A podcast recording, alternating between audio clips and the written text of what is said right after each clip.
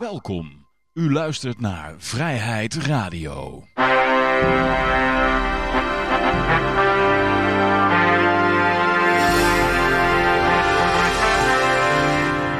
Ja, dames en heren, jongens en meisjes, dit is weer een nieuwe aflevering van Vrijheid Radio. Leuk dat u luistert. We zitten hier gezellig in Café Libertaria met een hele volle bak.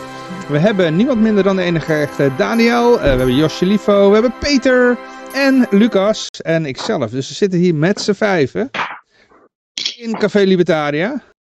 En uh, Pinky is er ook nog, hè, jouw uh, favoriete cactus. Ja, uh, en in levende lijven en ook in digitale versie. Vind ik een heel leuke feature, Johan. Ja, ja, ik voel me helemaal thuis hier. Je, je, hebt, je hebt de echte cactus en je hebt de crypto versie. ja, de virtuele, de virtuele en de biologische. jullie houden ook de chat even in de gaten. Dan komt helemaal goed. We hebben in ieder geval uh, flabbergast in de chat. Dus dat is altijd hartstikke gezellig. En um, goed, laten we beginnen met goud, zilver, bitcoins en de staatsschuldmeter. Trouwens, de marijuana-index uh, lees ik nu, die is uh, even offline. Dus we gaan uh, de website weer even, waar ik het vanaf lees, die gaan ze even onderhouden. Nou, de bitcoin die is, ja, ja, het is, even kijken hoor. Ik zou zeggen, hij staat nu op 38,9, dus bijna op 39.000 eurotjes. Hij is uh, ja, lekker op en neer gegaan hè, de laatste tijd. Hij was vorige week flink omhoog gegaan. En nu uh, stuitert het een beetje. Ja, je kan een, als je een beetje in de TA zit, dan kan je een rising wedge in zien. Wat toch een beetje een, een uh, ja, een, niet altijd erg bullish is. eerder tegenovergestelde, erg bearish. Maar ja, ja, ja. Dus, we zien wel waar het naartoe gaat. Ik denk omhoog. Je denkt omhoog? Ja, het kan ook even zijn ja, dat, dat je in even... vier maanden. Ja, in vier maanden tijd sowieso, maar dat het eventjes nog uh, omlaag gaat en uh, dan weer omhoog. Hè? Ja. Dus, uh, het is Maakt mij geen moer uit hoe duur die wiet is. De plant op het balkon, nu rook ik lekker zelf op. Ja, ja. Uiteindelijk, ja, is toch maar, hoe heet dat in euro, hoe heet dat in fiat geld. Dus fuck fiat geld, toch? Ja. Kijk, ik heb ze hier gewoon, kijk joh, ik heb ze hier gewoon binnen handbereik. Wat? Dit, zijn, dit, zijn, dit is ook nog fiat geld hier. Kijk, dit zijn uh, zilveren guldens. Oh, kijk, kijk, kijk. Ja, ja. Even kijken hoor, dit is allemaal fiat geld. Ik vind dat toch wel een mooi spul.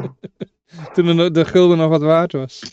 Ja. ja, deze zijn dus allemaal van voor 72, want dat was ook deze week volgens mij, of niet? Dat was... Uh, de... 50 jaar oh, jubileum ja. van het afschaffen van de goudstandaard. Ja, ja, ja, ja, ja, ja, ja inderdaad.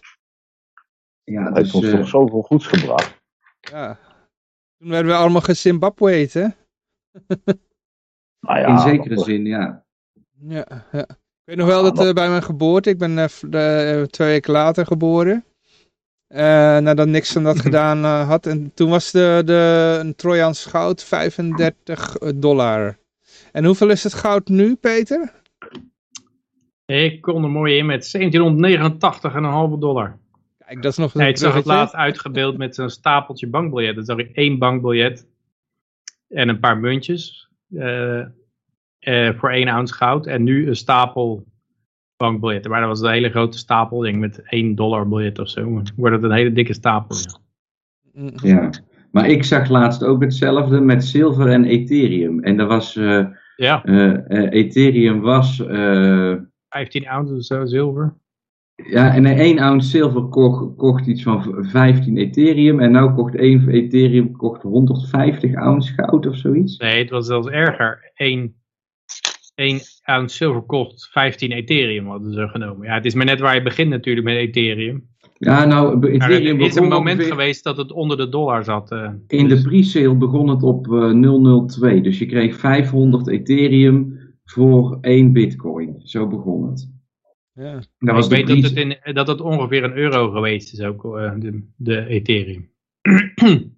ja, dus op... dat wij, voor, toen wij, we hebben nog een tijdje de, naast de bitcoin nog de Ethereum koers gedaan. De Litecoin deden we toen ook nog. En toen was uh, Ethereum, weet, ik kan me nog wel herinneren dat het toen 16 dollar was.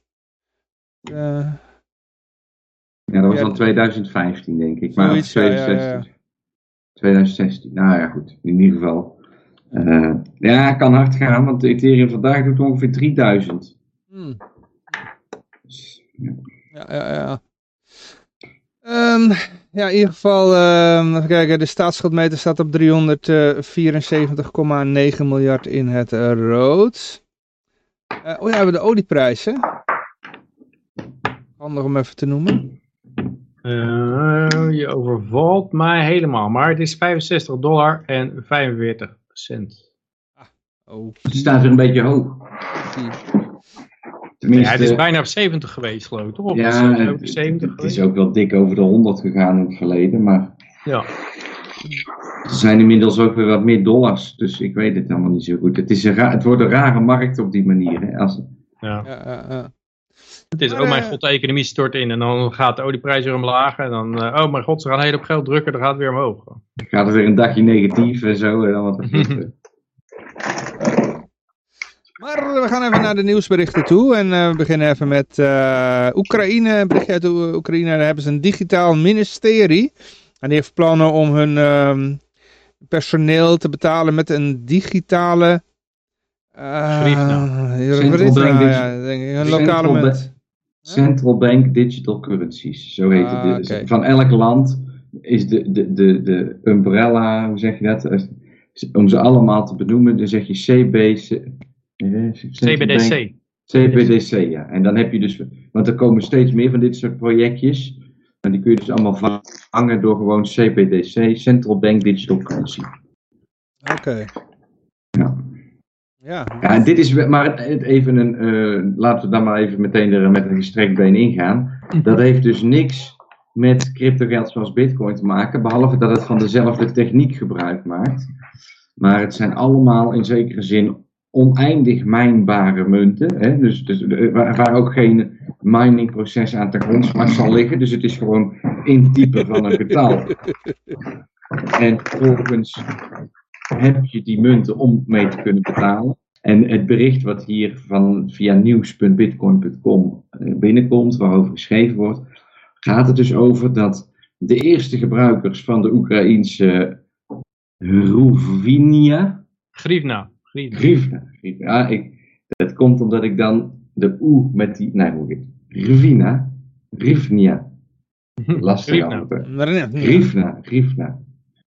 Um, de eerste gebruikers zullen de uh, werknemers van het ministerie van Financiën zijn.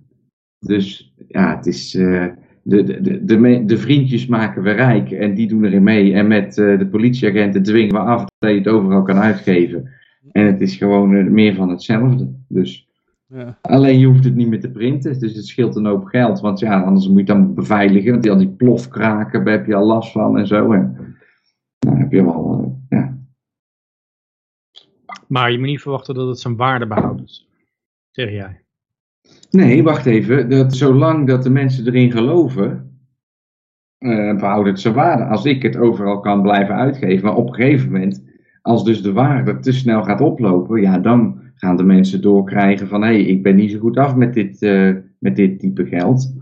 En de dan... waarde gaat oplopen, dan zijn ze wel goed af. Nee, de, de, de, de, prijzen, als de prijzen gaan oplopen. Dus als de waarde gaat dalen, je hebt gelijk, eh, ik zeg het andersom. Dus als, als de prijzen eh, te veel gaan stijgen en de mensen die gaan doorzien dat er dus inflatie, uh, of als ze de, inflatie te hoog vinden worden en, en het vertrouwen verliezen, ja, dan op een gegeven moment verliest dus zo'n geld een soort al zijn waarde. Ja, en dat, ja, ik zeg dan op mijn beurt, als je ziet wat voor een aversie er is bij mensen om cryptogeld te gaan gebruiken, dan is de kans dat ze stoppen met dit soort bankgeld natuurlijk groter als dat ze hun vertrouwde briefjes en goud- en zilverkleurige muntjes kunnen vasthouden. Waar geen goud en zilver in zit, maar voor de kleur en het vertrouwen noemen we het nog even vaccin. Oh, eh, nee, doen we alsof er goud en zilver in zit. Ja. Ja, goed. Nou ja, eh, om de vaart even erin te houden, ga ik meteen door naar het volgende bericht. Uh, dat is ook nog een beetje crypto gerelateerd. Uh, Ramstein, kennen jullie die nog, nog, nog? Ja. Du, ja. du hast, du hast mich. Was in de, dan ging ik naar Woepertaal met de klas uh, en dan werd, en speelde ik dit album. Had ik zo'n Discman in de bus, Johan. Daar, was, daar had ik extra batterijen bij, jongen. Die goede oude tijd. Nou, daar heel je trommelvlies opgeblazen voordat je in Woepertal aankwam. Nou, in ieder geval de zanger van Ramstein, uh, die, ze zijn nog steeds actief hoor. Uh, trouwens ook al met, een nieuw album bezig, had ik vernomen. In ieder geval de, de zanger, Till Lindeman, die heeft een, uh, ja, die had even een tussendoor projectje. en dat was ter promotie van, geloof ik, de Hermitage. Hij had hij wat nummers in het Russisch opgenomen. Onder andere een nummer dat populair was in de Tweede Wereldoorlog. Dat ging over een piloot of zo. In ieder geval, um, dat, dat nummer, dat zong hij live in het Hermitage. En die beelden heeft hij dus, uh, daar heeft hij dus een NFT van gemaakt. Misschien kun jij even voor de leek uitleggen, Josje, wat een NFT is? Een NFT is een unieke token. Non-fungible dus, token, ja. Ja, waar, waar je dus, nou ja, of uniek, uh, meer een speciaal doel is gemaakt. En die, die legt eigenlijk auteursrecht vast. Dus je koopt bijvoorbeeld, je kan ook een serie NFT's uitbrengen. Laatst had... Uh, Kings of Leon was de band volgens mij. Ja. Of, of een andere. In ieder geval, die hadden dus hun album uitgegeven als NFT. En dan kon je dus een munt, een, de data, het houdt zeg maar data vast. Mhm. En dat kan dus ook een album zijn. Of een code waarmee je het album kan downloaden of zo. Weet je. Ik heb trouwens ook nog geprobeerd... Vaak kunstgerelateerd, hè? Ja. Vaak is het kunstgerelateerd. Er zijn dus al tot 70 miljoen is er een keer geboden voor een NFT van Beeple. Uh, dat is een artiest die, of tenminste, ja, kunnen we mij al zo noemen. Uh, die maakt iedere dag een uh, plaatje. En die heeft toen 12 jaar aan materiaal, heeft die verwerkt in één grote pixel, om het maar even zo te zeggen. En, en al dat werk is toen als NFT op de markt gekomen. En 24 uur voor tevoren stond het op een paar miljoen.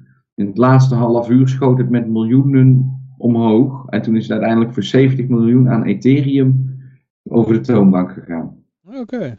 Uh, en toen had hij dat niet stiekem zelf gedaan? Ja, nou ja, kan, maar dan, dan moet hij wel... verkoop je hem voor de helft van de prijs. nou, dan moet je wel zoveel Ethereum eerst hebben. Ja, ja, ja, ja, ja. Het is gekocht door Justin Sun van uh, Tron, als ik het me niet vergis. Oké. Okay. Ik heb uh, dus... ook, ook een, ik had even van de week heb ik ook wat NFT's gemaakt. Ik denk laat ik het ook maar eens doen. Dus ik had een paar memes van mezelf. Uh, ik, ik, weet niet, ik, ik, het, het wil nog niet helemaal lukken. Laat ik het zo zeggen. Nou, je moet het zo zien, als je dit dus hebt, dan kun je dat plaatje kun je verkopen. Ja, ja. En vanaf dat moment ligt dat dan vast dat jij de originele artiest bent. En ik kan het natuurlijk gewoon rippen en als onofficiële artiest gaan verkopen. En dan moet die artiest gaan, uh, gaan aanklagen en zeggen, hey, die heeft uh, uit mijn naam dingen gedaan die niet waar zijn. En, een mooi eh, bruggetje gemaakt weer uh, terug naar, naar de, het, het, onderwerp. Want ja. het Hermitage zegt van, hé, hé, hé, wacht eens even. Het gaat om een concert in het Hermitage en hé, hey, dat is van ons, hè? Ja, het ligt dus aan het contract, hè. Dat er staat, ik zal, er zal vast ook iets zijn afgesproken over de rechten van opnames die daar ja, gemaakt zijn. En als er dus staat van, nou, je mag niet individuele stukken fotograferen en doorverkopen, ja, dan lijkt het me vrij logisch dat dit niet mag. Maar misschien staat dat er niet in en mag het wel gewoon, dus ik weet het niet. Daarnaast was het ook nog, uh, even kijken of het erin staat. Het, het, was volgens mij ook nog ter promotie van het Hermitage, dus ja. oh, dus hij wilde alles aan hun doneren. Begrijp ik dat goed van je? Ik weet het niet. Ja, misschien als hij dat doet, dat hij er dan vanaf is. Ik heb het niet helemaal gelezen hoor, maar... Uh...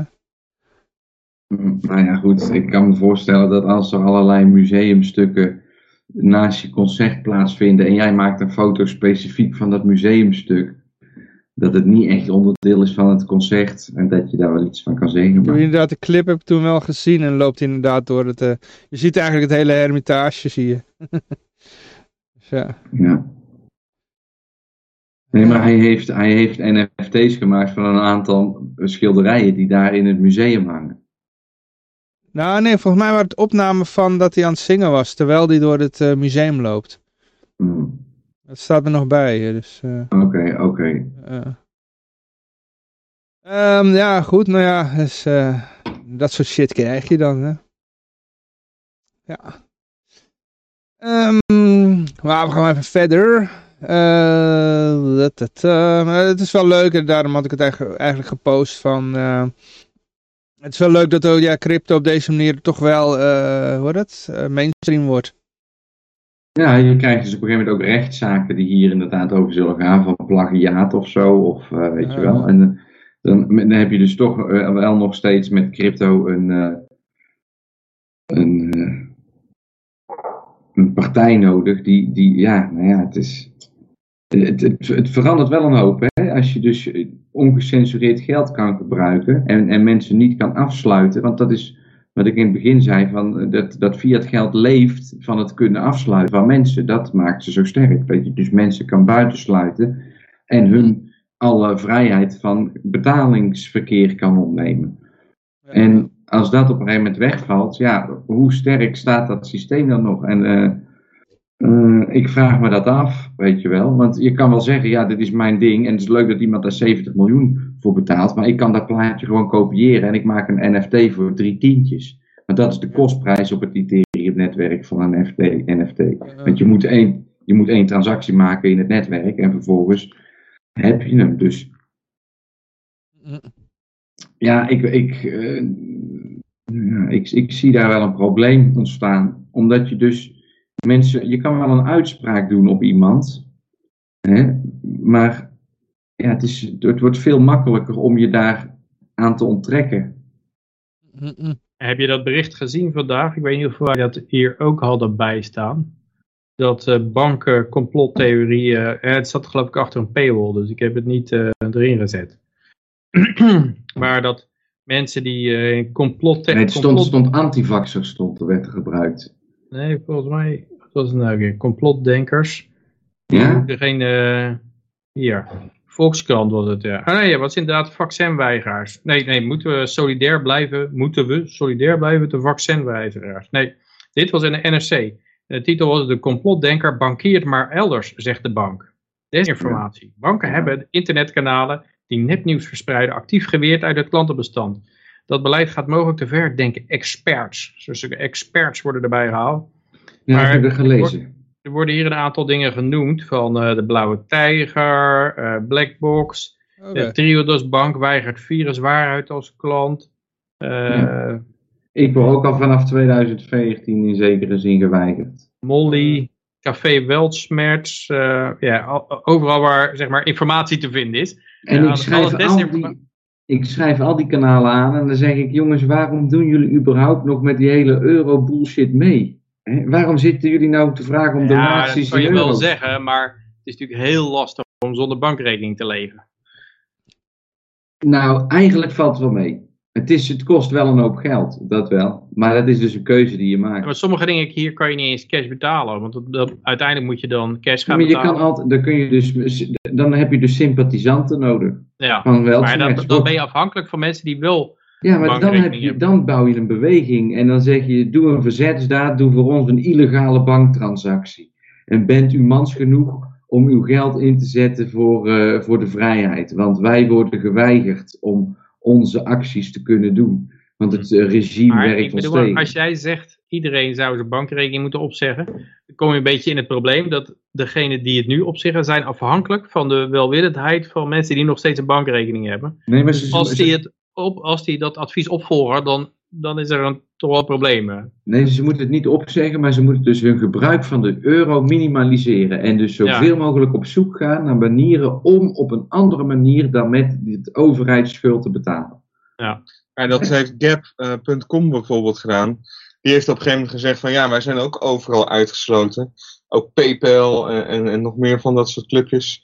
En die hebben gewoon gezegd, ja, betaal ons maar in bitcoin. En uh, als je dat deed, wat gewoon prima ging, uh, mm. ja, konden ze blijkbaar toch in business blijven. Dus mm. het, het kan wel.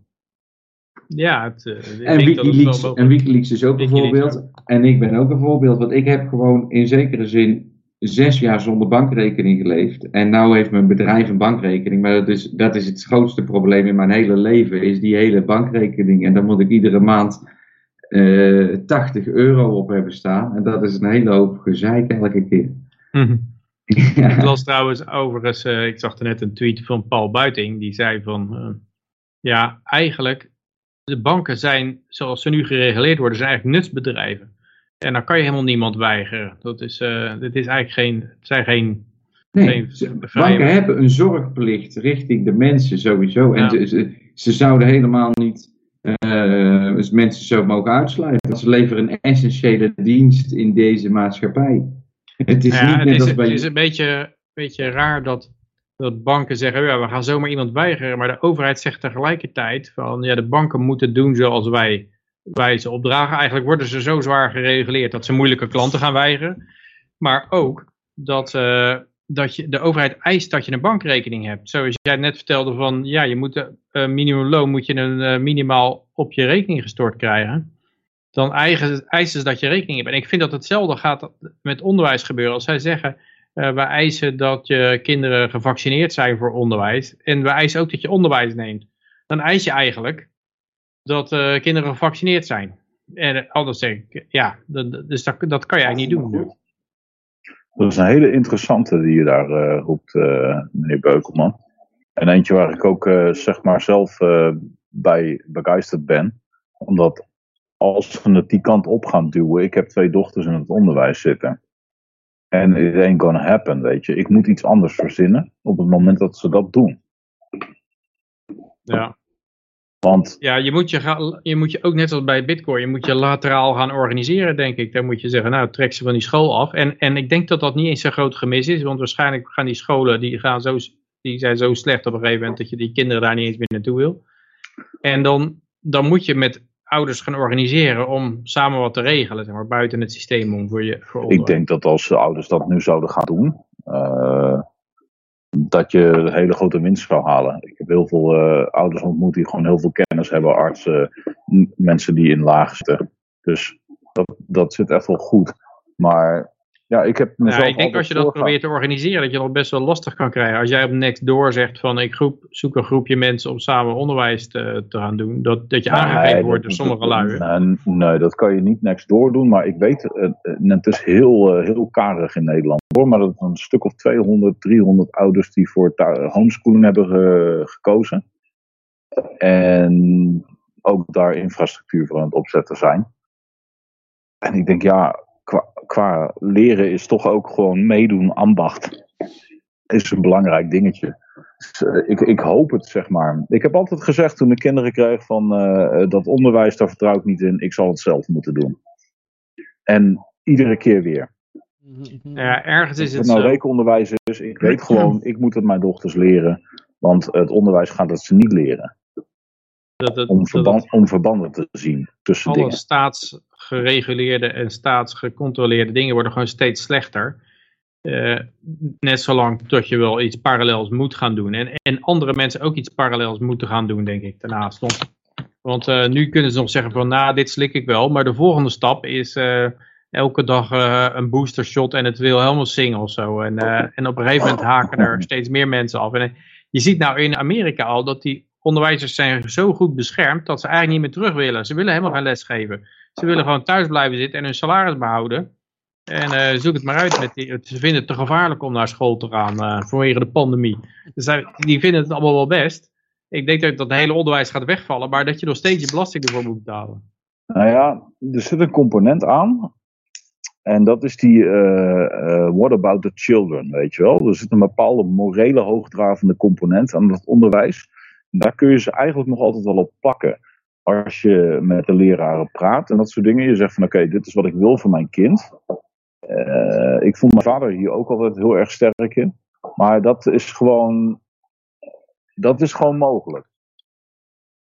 En dat, dat, daar heb je de mazzel dat uh, het, het, het, idee over onderwijs en het leren van de nieuwe generatie, zeg maar, dat dat een, een, een, een, een moreel hoogdravend iets is.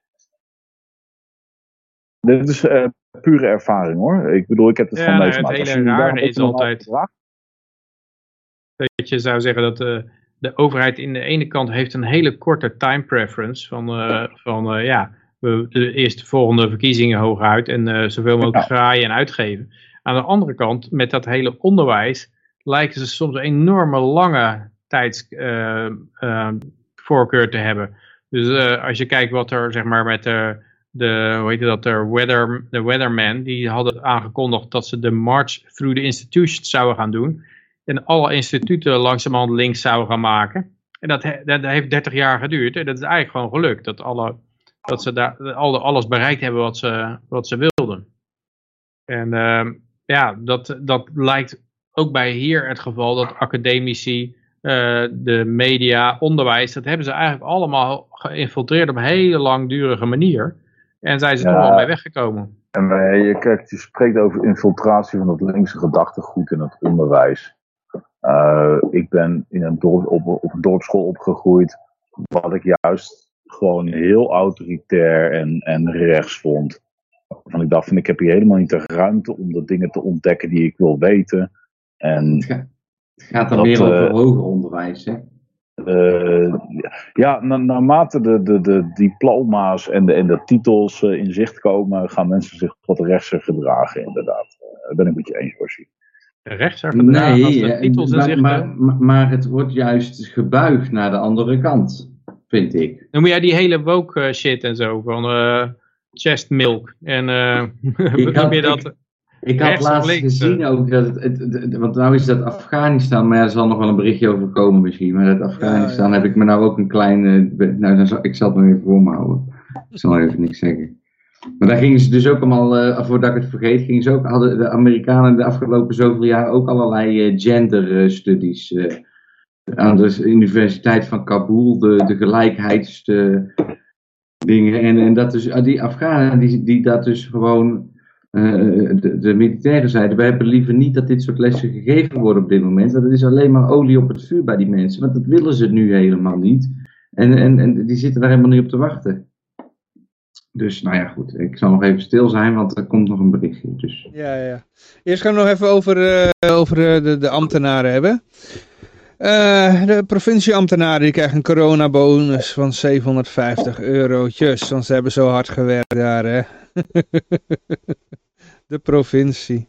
En je moet op een gegeven moment ook rekenen met dit soort dingen. Is dat dus eigenlijk geeft de overheid zichzelf hier een bonus. Want dit is uh, extra inkomsten die dan op de hoogste tarief uh, wordt belast. Dus uh, dit is gewoon 300 euro subsidie voor de overheid. Van die 750. Ik, ik, weet niet of het nog zo is. Maar ik heb, ik heb vroeger dus bij de provincie in de catering gewerkt. Moest ik koffie rondbrengen. Hè? Die mensen waren gewoon te lui om naar het apparaat te lopen en het in te schenken. Dus ik kwam met zo'n karretje met koffie langs. Van, wilt u nog wat drinken meneer? En dan kon je gewoon op het scherm kijken. Ah, dit was twintig jaar geleden. Maar dan zaten ze allemaal patience te spelen daar. Ik heb gewoon geen... Ieder scherm waar ik voorbij liep, zat dat patience spelletje open. Ja, twintig jaar geleden had ik bij, uh, had ik bij TNO ook. Toen was er ook een koffievrouw die uh, langskwam in een wagen. Uh, uh. Dat is echt... Uh... ik heb nee, ook wel in een maar... gemeentehuis meegemaakt. Het, het, was tien jaar geleden of zo. Dan hadden we ook nog een koffiekarretje. Dat is echt een overheidsdingetje, denk ik. Hè? Nou, ik heb dus in het weekend bracht ik de koffie rond. En dan du, tijdens de weken dan, dan werd het voor mij gebracht. Dus dat was wel een leuke balans. Okay. Dat heb ik zo... Is ook... Ja. Nou ja, dat was drie jaar, drie jaar tijd van mijn leven, denk ik. Ja, het punt is een beetje dat dat, dat zijn ook allemaal banen die dan zeg maar beschermd zijn, waar wij niet weg kunnen. Ze willen gewoon nooit iemand ontslaan. En uh, ja, ook als die, we hadden ook bijvoorbeeld iemand die stond bij het kopieerapparaat en die gaf je dan een stapel papier om een kopietje van te maken. En dan ging hij er een kopietje van maken. Welkom bij de overheid. Maar is het dan bij de Advocabo, hè? dat is ook nog de ergste vakbond die er is. Hè? Nou, maar ergens kan ik dat wel eens wel begrijpen, Peter. Hè? Want eh, dan, dat, dat is makkelijk. Dan uh, zorgt hij gewoon dat iedereen die kopietjes allemaal in zijn postvak ontvangt. en dan hoef jij je daar verder. Kun jij gewoon over jouw dingen blijven nadenken. Nee, maar hij was ook een, uh, ja, het was ook een beetje een zwak begaafd iemand. En die had daar de baan. Ik vond het eigenlijk wel leuk. Kijk, want het was eigenlijk gewoon, ik begreep dat dat na de oorlog, de Tweede Wereldoorlog ook gebeurde in Engeland. had je veel mensen die, ja, die misten een been of een arm of een oog of zo. En dan dan uh, ja, die kregen zo'n soort zo'n baantje om, ja, weet ik veel, iemand zijn pasje aan te nemen met uh, en het in te klokken en dan weer Om echt eh, te voelen dat ze nutteloos zijn, zeg maar. Want het enige Ja, wat ik nog het kan doen is hebben van ik deel toch, neem toch deel aan de maatschappij. Ja, maar eigenlijk is dit het ge- bekende gezegd, hè? De overheid bre- breekt je been en geeft je dan een, een Ja. kruk. Want ze hebben ja eigenlijk namens de, eh, het land hebben ze gevochten, hun been kwijtgeraakt en dan krijgen ze als, eh, als eh, hoe dat, vervanging mogen ze dan eh, in, helpen met inklokken. Ja, Ja, Ja. dat is eh, de overheid. Nou ja, in ieder geval dan krijgen ze nog 750 euro ook, hè? Bonus, ja. Ja, Maar dan moeten ze dus wel, we houden dat in de gaten, de kwart, dus, dus, ik denk ten minste 40% belasting vanaf. ja, ze krijgen betaald uit belastinggeld en dan moeten ze... Ja, en dit gaat dus weer, wordt gerecycled, dat is 300 euro subsidie naar de staat. Dus jij zegt, als het, als ze het hoogste tarief nou 99% maken of zo, dan kunnen ze gewoon zeggen, ambtenaren krijgen er 3 miljoen per maand aan salarisverhoging Ja. bij. Dan, Ja. Ja, ambtenaren, yes, yes, yes. Zo'n speciale, Oh ja, 99% belasting. zo'n speciale schaal om de GDP wat op te hogen zo. En dan ja, ja, ja.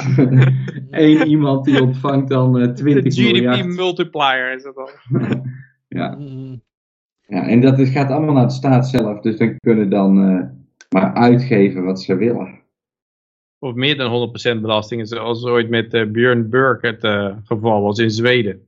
Dus dat, dat die mensen eerst juichen, yes, je krijgt er een ton per maand bij. En is, oh, eh 105.000 per maand aan belasting. Omdat we nu, ja, dat, dat heb ik ook wel eens, dat die 52% zou het hoogste schaaltarief zijn in Nederland. Maar dat is niet zo, je kan ze op 56% moeten betalen. Omdat er, eh, ja, dan, dan zeggen ze, ja, we hebben, eh, doordat we ja, een bonus kreeg, hebben we, hebben we een of andere teruggave te optimistisch ingeschat voor jou. En die gaat er dan ook af. Dus je betaalt 52 cent belasting. Plus je moet een stuk terugbetalen van een soort vrije voet. Zo die je nou niet meer hebt. Ja, dan ben je uiteindelijk 56% kwijt. eh. Tja, tja, tja, tja, tja. Tja, tjoe, tjoe, die is Ja, voor dat Jannie. klopt. Helemaal. dat is wat. Ja, het maar zo zitten ze dus gewoon te rekenen. Want dan kunnen ze, dat, kun- dat weten ze van al die mensen precies hoe dat zit met hun eh, eh, betaling. Want ze hebben al die, die, die gegevens hebben ze. Dus ja, misschien was 750 wel gunstiger om te geven dan 700 voor de overheid. ja, gaat Nou, dan net is dat- door een bepaalde schaal heen of zo. Dan, Ja, dan even- valt alle, alle kinderbijslag of alle, weet ik veel, eh, ineens kinderopvangvergoeding. 10 jaar terugbetalen, heb je een schuld, joh. Ja, ja, ja. Helemaal geruineerd door deze promotie. Komen er allemaal van die Demmingse kinderen opkopen en zo. Van ja, mevrouwtje, we weten wel een oplossing. Daar worden we gelijk geband. Dit is, dat Oh. had je nou niet moeten zeggen. Dat is, eh, daar gaat het YouTube kanaal. Nee, sorry. Oké. Het is Johan's kanaal, dus eh, kijk, dan laat ik hem wat meer gaan. Hè. Dan laat ik hem wat meer gaan. Misschien moeten, moeten ze dat ook gaan belasten, zeg maar, zo'n YouTube kanaal. Dat 50% belast, dan mag de overheid eh, gewoon 50% van de inhoud eruit halen. Naar ze kiezen. Belasting uur- aan 70% staan, dan halen ze gewoon 70% van de inhoud eruit. En dan moet, je, dan moet je er gewoon de hele tijd reclame verplicht draaien. Zo. Dan moet je eerst twee, twee uur reclame draaien voor vijf minuten uitzending. Of patriotistische volksliederen of zo. Marsmuziek. Ja. Hollands vlag, je bent mijn glorie. Goed jongens, ik ga nog even verder. Eh, we hadden nog eh, wat eh, andere berichten. Eh, even kijken hoor. Ehm, ja, we, oh, ja, ja, het houdt niet op niet vanzelf. Eh, zo zou we ook wel zeggen, de bureaucracy is eh, expanding to fit the needs of the expanding bureaucracy. Eh, ja, de, het houdt ja, voorlopig niet op. Er komen steeds meer ambtenaren bij. En hier staat dus, even kijken, wat is het? 5000 ambtenaren erbij? 500. Van 15.500 naar 16.000. Oké. Het duidt gewoon... Ja, maar er staat 5000 banen bijgekomen. En dan geven ze een nummer aan. Van, Nee, nee. eh, Ze 500. zeggen, ze zeggen in de laatste drie maanden van dit jaar Ja. 5000 en in de afgelopen maand 500. Denk ik. Oh nee. Nee, de openstaande vacatures steeg 500. Ja. Ja, ja, ja. ja. Dus er worden 5000 banen ingevuld en de vacature stijgt. 500 BOA's. Dat zijn natuurlijk allemaal BOA's. Dit is gewoon eh, de BOA-avalanche. Ja, en eh, uiteindelijk is iedereen dus ambtenaar. En de enige taak die je hebt is het, is het eh, meedoen aan medische experimenten. En elke drie maanden wordt er wat ingespoten waarvan je niet weet wat het is. Maar je krijgt gewoon elke maand geld en je denkt er niet bij na. En het is allemaal... Ja, dat is inderdaad al zo. Ik hoorde dat laatst ook van uh, in Amerika moesten alle federale medewerkers, zelfs in sommige eh, staat of zoals het, moesten ze een dubbel masker dragen. En dan zich laten inspuiten. En, en, er wordt wel eens gezegd van nou, bij de overheid zit je goed. Want uh, je, je kan niet ontslagen worden. Je krijgt gegarandeerd betaald. En dan wel uh, loodsverhoging. En geweldige pensioenregeling en zo. Ja, maar nou begint de downside wel zichtbaar te worden. Dat, dat, ja, je moet gewoon alle injecties maar nemen die ze kunnen verzinnen. Je bent gewoon een, een, een, een Pfizer-proefkonijn. en je draagt al twee face masks ook. Ja, nou ja, en, en dat is uh, mijn voorspelling. En uh, mijn voorspelling dus ook. Het gaat gewoon, het komt er gewoon aan. En ja, de mensen plaatsen. Er zijn nog steeds mensen die memes plaatsen met. Uh, je weet niet wat er in een frikandel zit, dus waar maak je je allemaal druk om? Die eet je toch ook? En dan eet ik dat vaccin, vaccin wel. Maar ik eet geen frikandel omdat ik weet wat erin zit. ja, ja, ach, ja. Maar jij verkoopt ze natuurlijk. nee, ja, het, was, van ja, de week was uh, in Breda is de singelloop afgelast. Dat is in oktober een hardloopwedstrijd rondom het water. En dat wordt ieder jaar gedaan, 35-jarig jubileum. Kan dan voor het tweede jaar niet doorgaan. En dat is omdat ze, uh, ja, ze noemden er een woord voor. En toen zei ik, goh, ik ben toch benieuwd hoe genocide en discriminatie bij dit ene woord wat jullie gebruiken hoort. En dat schrijf ik dan in zo'n Breda-krant, weet je wel. Dus ik kennen de mensen die mij een beetje. En dan zeggen ze, Joosje, laat het nou zitten, doe dat nou niet. Maar ja, je moet er toch iets van zeggen. Slaat het nou op. Je gaat gewoon lekker rennen met z'n allen. Hmm.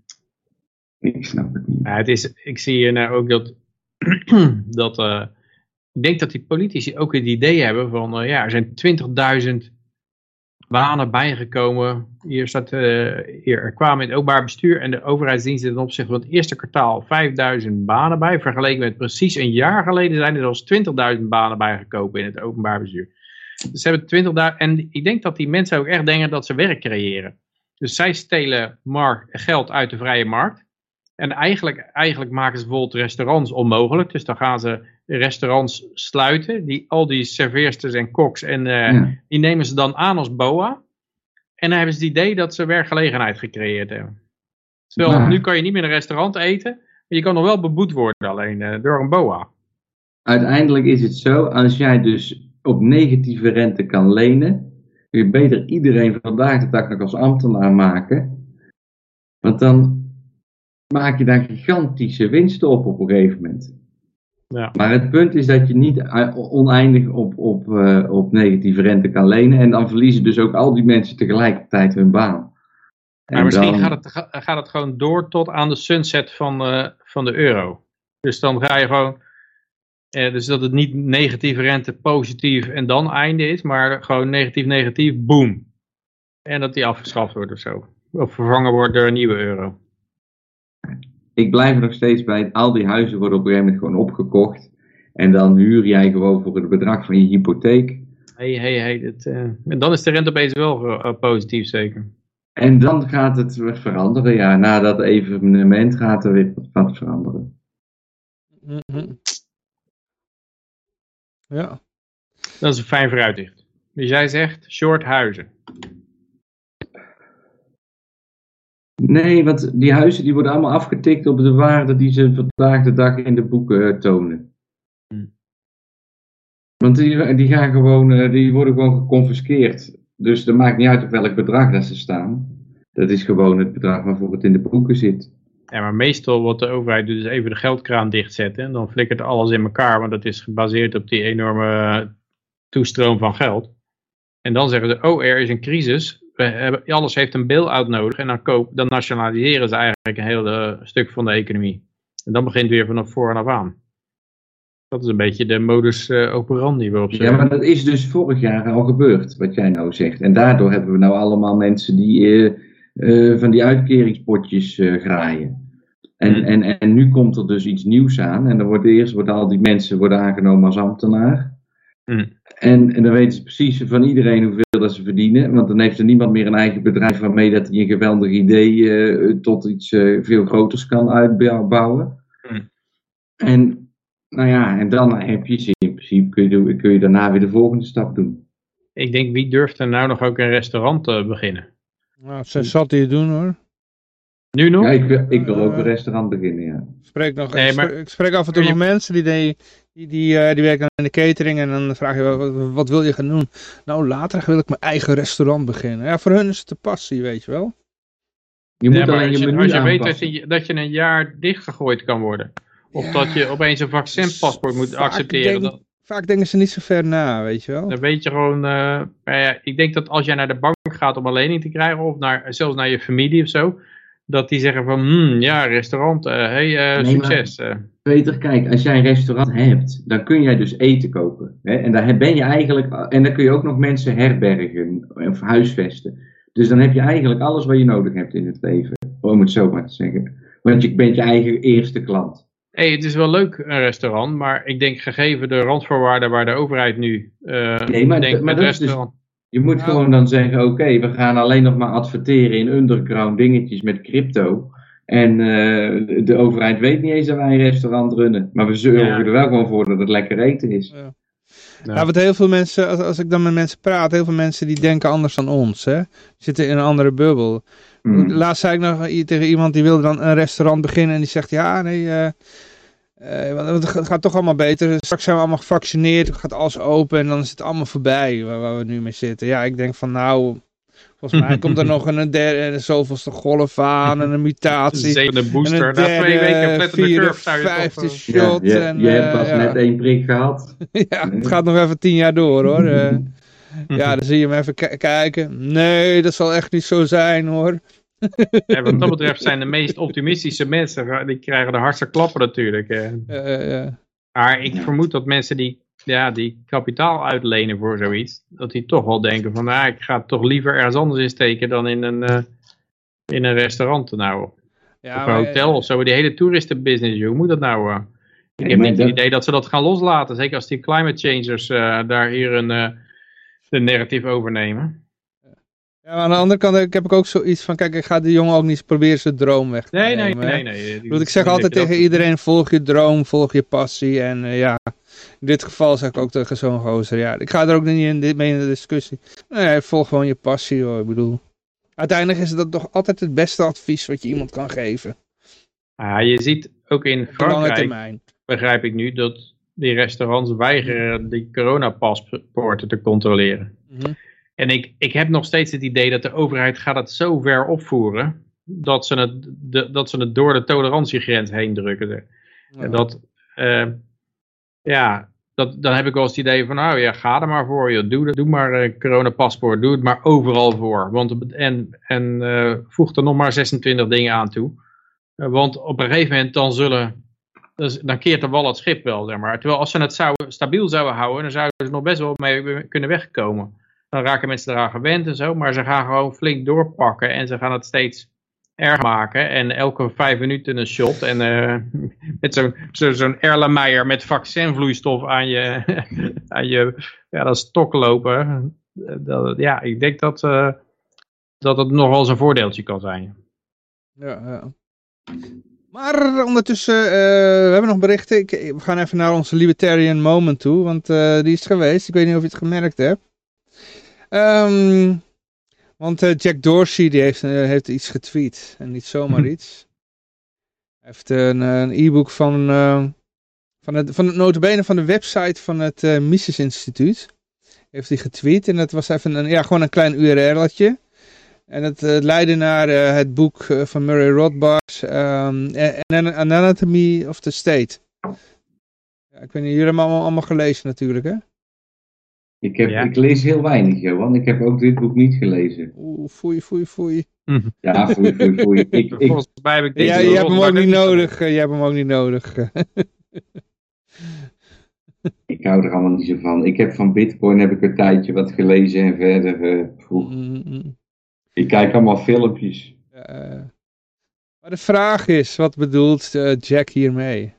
Ja, want er En, stond helemaal geen commentaar bij. En ik, ik vind het toch een beetje verdacht. Ik kan me haast niet voorstellen dat hij Rothbard gelezen heeft en, en het eh, retweet. eh. Ik, ik las net van Twitter bijvoorbeeld. Dat mensen die gaven commentaar dat de Taliban die geeft gewoon commentaren op Twitter. ja, ja. over de laatste stand van zaken. Die hebben een, een- een- een Twitter-account. En eh, Trump is nog steeds geband. Dus, ja, ja, klopt, De klopt. Taliban volgt de regels. En de, de, de Babylon Bee zat er al grappig over te doen. Trump sneaks back on Twitter by disguising self as Taliban spokesman. En dan zie je een account. Don Hamed Trumpistan. En dan zie je Trump met zijn baard en zijn tulband op. Maar het is wel... eh, Het is toch een absurde tijd, jongens. het is natuurlijk wel raar, Alex Jones en alles wordt allemaal ge, geband. En de, Trump die, of eh, de Taliban die geven gewoon een commentaar op, op eh, Twitter. Ja. Ja. ja, het is absurd. Het is echt te, te gek voor woorden. Als je het zo inderdaad naast elkaar legt, dan is het gewoon... Maar als, je, als je kijkt trouwens bij Jack Dorsey, wie hij allemaal volgt. Hè? Ja, hij, hij volgt 4.500 eh andere Twitter-kanalen. Maar Hmm. daartussen zit onder andere, eh, hij volgt weinig politieke partijen trouwens. De, de, de People's Party, dat is een hele kleine socialistische partij. Die eigenlijk nooit meer wat getweet heeft sinds een paar jaar.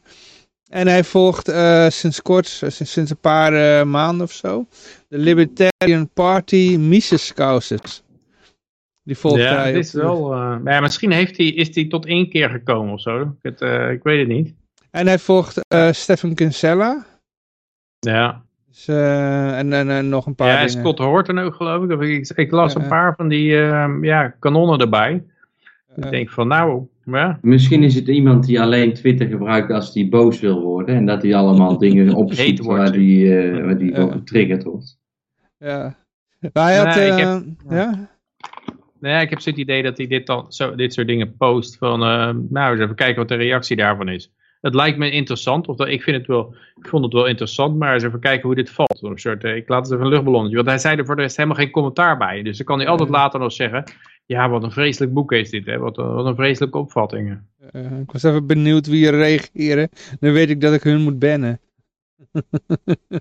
Ja, en ik denk dat, dat, Ja. eh, Misschien was het een honeypot. ja, dat geloof ik ook niet. Ik heb ook niet zo het idee dat Jack, dat Jack Dorsey nou zo enorm veel invloed heeft als CEO binnen Twitter. Want ik weet dat hij eh, ooit een keer, die, eh, was er zo'n censuurdiscussie bij, volgens mij was het bij eh, Joe Rogan, over die, ehm, hoe heet hij ook weer? Ja, Tim Pool zat er ook bij, Joe Rogan en iemand die geband was, waar ik nou weer even de naam van kwijt was. En en Tim Pool begon het een beetje voor hem op te nemen. En, en, en, en Jack Dorsey zat erbij met een, met een advocaat van, de, van Twitter. De een of andere Trula. En, en, en hij leek niet eens te weten wat er allemaal geband was van zijn platform. En die advocaat die zat het een beetje te verdedigen. En ik heb het idee dat, eh, dat hij zit vooral te mediteren in een hutje of zo. Voor de hele ja, grote maar met. DMT Maar, op of zo. Dat is wel zijn image inderdaad. Want Jack Sparrow die ziet er beter uit. Nee? Af en toe kijkt hij wel heel vaag uit zijn ogen. Dan denk ik van, wat de fuck gebruik jij voor drugs? Maar... Ja, nee, maar ik hoor dat die... ehm, eh, iemand had een keer een, een stuk geschreven. Ik kon het helaas niet vinden. Het was wel heel interessant. Dat iemand een, eh, denk ik een jaar geleden of zo ge- geschreven. Dat was toen hij een beetje in de bitcoin, ook in de bitcoin kwam. Hè? Dat hij in één keer positief over bitcoin was. Daar allemaal uitlatingen over had. En toen zag je in zijn tweet dat hij steeds meer bitcoiners ging volgen ook. Mhm. Dus, eh, en eh, die, die had eh, toen een stuk geschreven. Dat ging over hoe lang voordat hij zichzelf libertariër noemt. Want omdat, ja, bitcoin is wel een beetje een gateway naar libertarianisme. Hè? Dus, ja, hoe lang en en wat zijn de fases, weet je wel, die hij dan heeft. En die kwam dan ook, in dat stuk stond ook, ja, op een gegeven moment gaat hij over Mises en eh Hayek of Rothbard posten. Dus eh, die had dat stuk weer even in die eh, dingen gegooid. Maar ik heb het later Ja. nog even terug proberen te vinden. Ik zag wel een hoop verwijderde tweets, maar ik kon dat stuk niet vinden. Dus misschien is het verwijderd. Dus eh, dan staat er alleen maar verwijderd, hè? Staat er dan. Ja, ik denk dat als die eh, een beetje tot inzicht komt, dat hij dan eh, snel uit zijn eigen uit zijn bedrijf werkt. eh. Ja, ja, ja. Ik had daarom ook de meme gemaakt van dat hij... eh, zie je Jack Dorsey, die houdt zo dat boek omhoog en dan staat de Biden erachter met zo'n bord van uh, Jack, uh, aapstaatje Jack, uh, banned from Twitter in 1, 2, 3. Oh ja, ja, ja. Zag hem ook, ja. ja, ja. Dus um, ja, goed. Ja, in ieder geval, dat was, het was wel een interessant stuk. En dat, die zei van, nou ja, het zou best wel uh, kunnen zijn. Of tenminste, hij vond het logisch dat hij, omdat hij zo geïnteresseerd is in bitcoin, dat hij uh, daardoor ook steeds libertarischer wordt. En er stond ah, ja. ook nog bij, dus dat hij, uh, hij is in tegenstelling tot Zuckerberg en die andere gasten, is hij echt wel een self-made man. Weet je hm. wel? Dus hij is... Ja, het is wel zo ook dat, dat Twitter was eigenlijk al langer free speech dan bijvoorbeeld Facebook of zo. Ja, ja. En, uh, en veel andere platformen. Hij, uh, ja, er bleef meer op overeind. Bijvoorbeeld uh, Jeff Burwick, die was bijna overal vanaf gegooid, YouTube en, en, en, maar nog wel zat hij op Twitter. Dat was zijn laatste safe haven, zeg maar, nog, waar hij nog toegestaan was. En ik denk dat hij, ja, dat Twitter heeft wat meer vrijheids iets dan, maar ik weet de vrijheid vrijspreken bijvoorbeeld, die zijn ook van Twitter ja, min of meer afgegooid. Of, uh, ik, ik merkte zelf ook laatst, ik kwam in een, op een verdwaalde pagina van Facebook-account terecht en ja, daar stond gewoon op, ja, je waarschuwing, uh, warning dat je dit hebt gepost en uh, we understand you make mistakes, stond er al bij. Het was, het was zo'n plaatje van, de, van de, the war is not meant to be uh, won. It is meant to be perpetual van Orwell. En daar hadden ze de war doorgestreept door COVID-19 of zoiets. Oh ja. Dus ja, uh, ja dat, was, uh, dat, was, dat, dat kon je niet posten, zoiets. Dat was misinformation. maar ja, dat was nog in het begin. Ik vraag me af als je dat elk jaar herhaalt, die, deze post. of, of ze na tien jaar nog steeds de durven weg te halen als misinformatie. Maar Twitter is wat, wat relaxer. Dus het zou kunnen zijn dat, dat hij wat meer op de relaxed kant is. Maar nog het is natuurlijk een Silicon Valley bedrijf. Dat betekent dat er een heel leger van die, van die uh, woke figuren, om, die moeten in zijn bedrijf zitten. Je kan gewoon daar geen bedrijf runnen zonder dat je dat soort figuren hebt. En hij zat daar bij Joe Rogan ook met zo'n Indiaanse uh, dame, die van het legal department was. En die zat al die censuur allemaal te verdedigen. En hij leek een beetje iets van, ja, daar heb ik niet zoveel verstand van. En, en de, de vraag is ook, hoe ver wordt dat gewoon aangestuurd door de overheid? En is dat, is dat zeg maar uh, verplicht? Want het is al bekend nou dat het Witte Huis gewoon op Facebook uh, zegt van... hé, hey, uh, dit, dit moet weg en dat moet weg enzovoort. Ja, maar dus, het mag alleen niet bekend zijn dat het Witte Huis dat dan vraagt. Dat ja, maar dat hebben ze, nou, hebben ze inmiddels al toegegeven. Ja, Oké. Okay. Voor Facebook, die Psaki, die heeft dat al toegegeven. Ook een YouTube heeft bij Blackbox een keer geschreven vanuit overheidswegen. Ja. Ja. Toen heeft Blackbox daarop gereageerd en toen was het weer verdwenen. Maar er stond toen wel en hij maakt overal screenshots van. Dus ik geloof dat wel van hem dat dat uh, zo was. Ja, want dan, dan kan je natuurlijk via wet openbaar bestuur gaan opvragen van uh, welke ambtenaar, naam en toenaam, heeft dit uh, gedaan. En met welke reden en zo. En dan, dan moeten ze daarop antwoorden. En, nee. en dat, op het moment niet, want sinds nee? de COVID-19 is heel die WOB is, uh, opgeschort. Oh, okay, Ik krijg alleen maar zwarte pagina's toegestuurd, hè? Mm. Ja. Mm -hmm. Maar ja, ik denk dat ze nog steeds liever een, een soort vrije marktbedrijf ertussen hebben als buffer. Dat die de klappen opvangt van uh, alle mensen die gecensureerd worden en de haat. Uh -huh. En dat zij op de achtergrond gewoon uh, alles controleren. Maar uh, dat ze altijd kunnen zeggen, ja, het is, uh, het is, een vrije marktbedrijf. Die kunnen doen wat ze willen. Ze kunnen iedereen eraf gooien die ze, ja, die ze ja, maar willen. Ja. Ja. ja. Maar dan gaan we even... Oh, wat wil je nog wat zeggen, Josje? Nou, langzaam wordt er wel andere infrastructuur opgebouwd. Dat je dus niet meer per se via YouTube eh, je filmpjes hoeft te bekijken. Maar ze hadden natuurlijk wel een, een ze hebben een zekere. Eh, dat? Ze zijn gewoon de grootste van de markt. Als je je filmpje op YouTube plaatst, wordt die tien keer vaker bekeken dan waar dan ook. Hm. Dus Maar je- ook daar, die maken het, ze maken zichzelf gewoon steeds meer onmogelijk. En ik denk Ja. dat steeds meer bedrijven, wat je krijgt, is dat eerst worden Alex Jones eraf gegooid. Dan krijg je een aantal mensen aan de, aan de periferie die denken van, hmm, hmm, wij lopen misschien ook gevaar. Moeten we maar eens een beetje een backup eh, gaan bouwen. En ik, ik heb dat zelfs zien gebeuren bij die Bitcoin show. Dan zag je eh, twee presentatoren. Die ene die, eh, die zei van, nou, eh, maak jij je geen zorgen tegen die anderen dat, dat wij er een keer afgegooid worden. Want voor je het weet zijn wij terroristen of complotdenkers of zo. En die anderen zeiden, nee hoor, nee hoor, want wij, wij, ja, wij zijn helemaal geen complotdenkers. En, en die, die zag het gevaar totaal niet aankomen. En uiteindelijk zijn ze inderdaad van eraf gegooid. Dat, dat betekent, en dat was gewoon een bitcoin show. En dat betekent dat steeds meer mensen die, die gaan dat als, als geloofwaardig zien dat zij er of al, uh, ja, dat zij er binnenkort ook afgegooid worden. En gaan een alternatief zoeken. Ik denk dat dat proces zich alleen maar versnelt dan. Is de Bitcoin show er helemaal afgeflikkerd? Of, uh... Ja, die is van YouTube oh, Oké, ik zag hem inderdaad niet meer bij mijn tijdlijn voorbij komen. Ja. hij is nog steeds als podcast, maar... Ja, maar hoeveel... YouTube. Ik vraag me dan af hoeveel mensen luisteren de podcast en hoeveel zien dat op YouTube. Want ik denk dat die verhouding op YouTube kijken er veel meer mensen dan dat er dus naar een podcast, dat ze überhaupt die podcast gaan vinden. Snap je? Dat is ook een ding. Mensen hangen een beetje op YouTube te niksen of de, de, de, filmpjes te kijken. En dan komt er iets voorbij wat ze leuk vinden. En zodoende, dat heeft YouTube wel wat anderen niet heeft. Want ze hebben een heleboel content gewoon. Wat, ja. Ja, is, ik, werd laatst, ik werd laatst nog door Jeff Berwick uh, benaderd. Oh. Die, uh, ik dacht eerst dat het een fake account was. Dat is meestal zo, ja. Dat zou je wel zeggen. ik denk, uh, ja, dit zal wel niet zo zijn. Ik zeg, ja, hey, even het zien, man. Uh, op Facebook voor een while. Ja, ja, en dus toen zei hij, nou, ik zit tegenwoordig op Library of op Odyssey, heet dat nou weer. Dus hm. ik denk, oké, dus als dit een scam-account is, dan... Maar ja, ik ging nog steeds vanuit, het is een scam-account, dus ik zat ook niet helemaal serieus te reageren.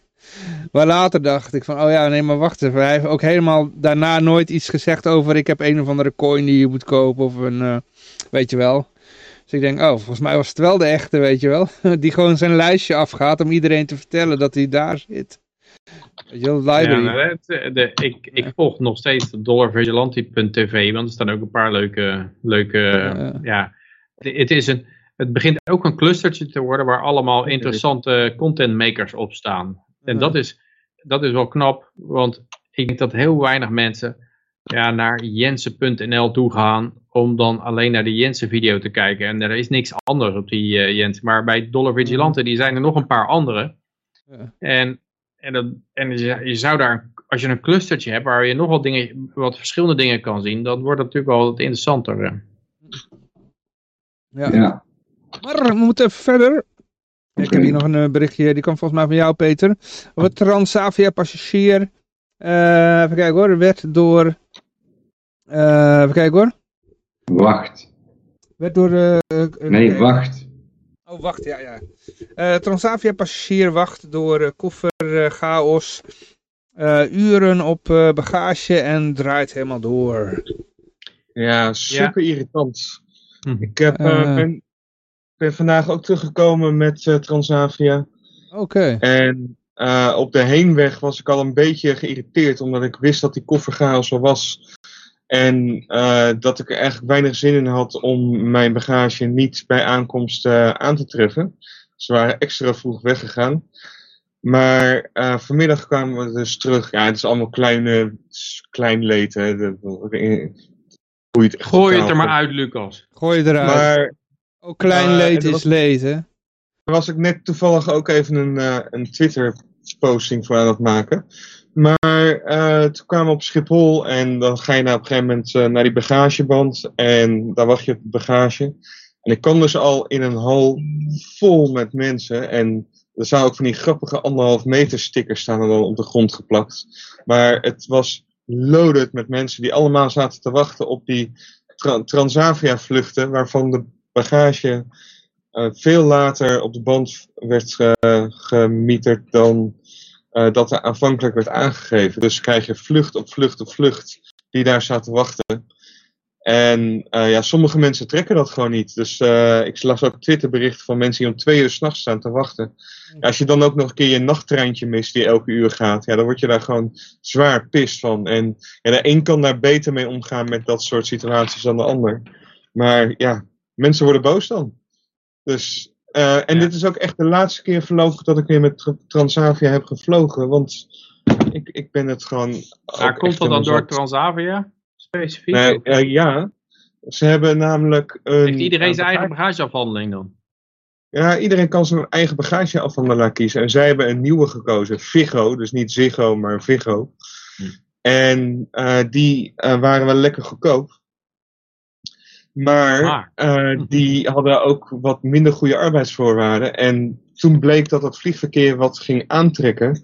hebben andere bagageafhandelaars, die ook weer plotseling meer mensen nodig hadden dan ze dachten, hebben bij Figo-medewerkers gelobbyd van hey, hier bij ons kun je 1 of 2 euro per uur extra verdienen.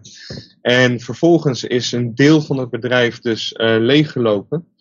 En zat Transavia met het probleem. Maar het bedrijf wordt ingehuurd door Transavia. Dus Transavia is gewoon responsible en ook accountable. En die moeten er dus voor zorgen dat het uh, gewoon goed komt. En als je dan ook kijkt bij de uh, verloren bagagemelding punt ik weet niet hoe dat heet. Maar dat stond vol met koffers daar. Dus ja, mensen die, die worden daar echt niet blij van. En ja, een beetje.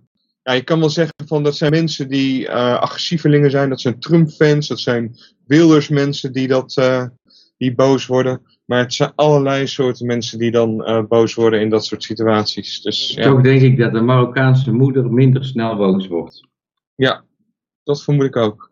Het zijn vaak van die mensen die zichzelf enorm belangrijk vinden, die dan over de zijk gaan. Ja, waar, ik het, waarvoor ik het gepost had, was uh, omdat we, ja, we waren een beetje de trend aan het volgen op uh, uh, Vrijheid Radio. Van vakantie is één grote ellende. Je moet het eigenlijk niet willen. Oh ja, klopt, dat, dat was begonnen met, man stikt in, in een stukje, stukje vlees. Een stukje vlees in Italië of zo. En en, en, en allemaal van dat soort berichten. Zuid, en ik heb het idee. Maar okay. Wat was in Zuid-Frankrijk? Zuid-Frankrijk, ja, ja. En in Italië was iemand verdronken of zo? Of was in Italië, ja, was een familiedrama. Had uh, iets met een uh, bootje of zoiets. Dat weet ik nee. niet meer precies. Ja, maar van die, van die berichten dat je denkt van waarom krijg ik te horen dat er iemand in een stukje vlees tikt in Frankrijk.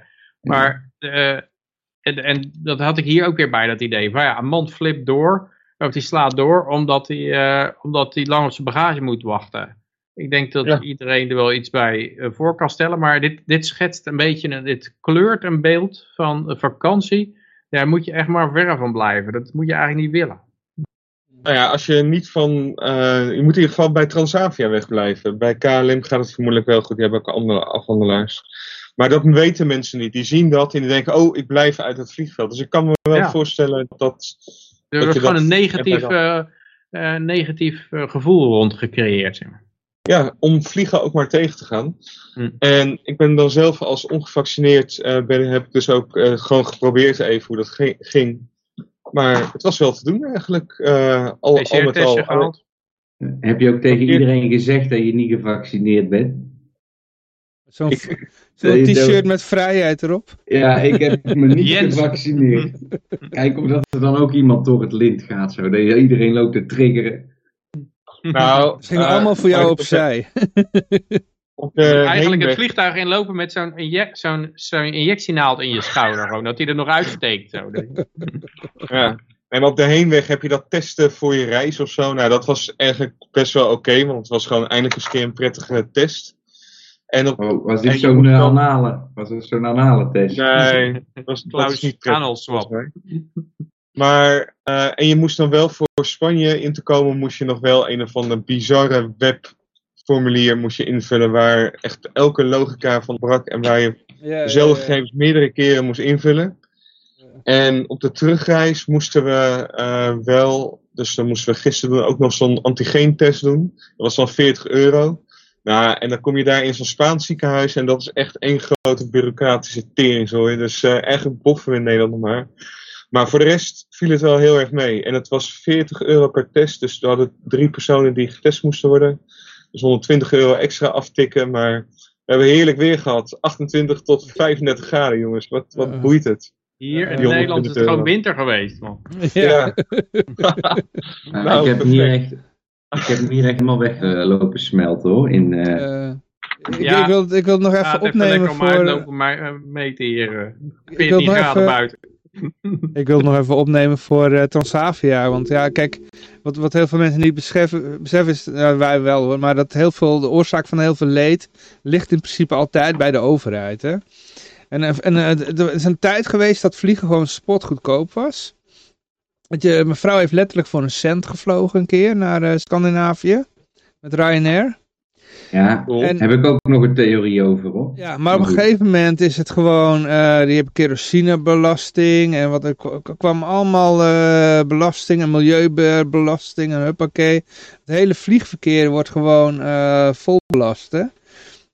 Ze willen wel nog steeds... ook een ticket inderdaad. En nou, op merendeel van belastingen stond er gewoon expliciet bij. Op merendeel van de ticket. Ze willen ondertussen wel de goedkoopste blijven, maar dan moet je ook niet vergeten... betaal je geen accijns op kerosine.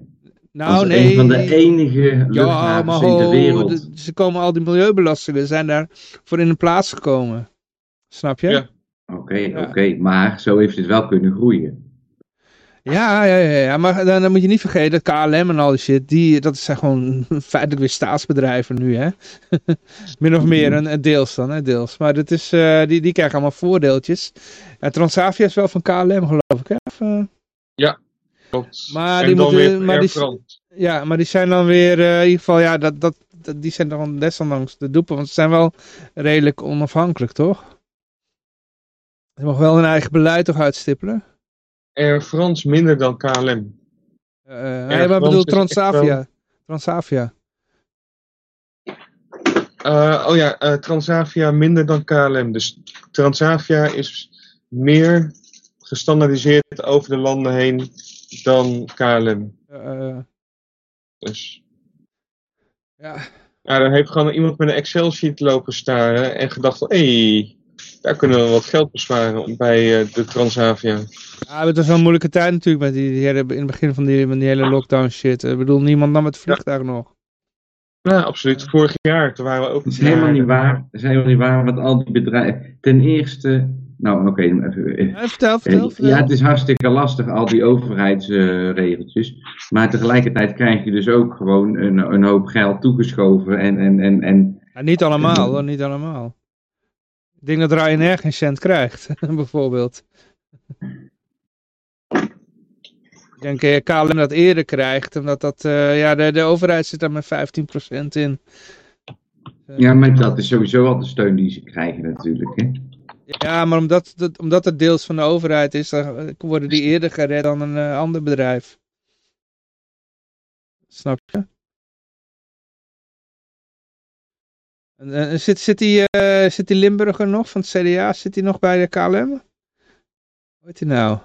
Uh, dat is Camille Eurlings, maar die is nu uh, volgens mij op de Antillen een of andere airline proberen wat van te maken. Kansloos natuurlijk, maar goed, dat weet iedereen daar op Die gaat gered worden, let op mijn woorden.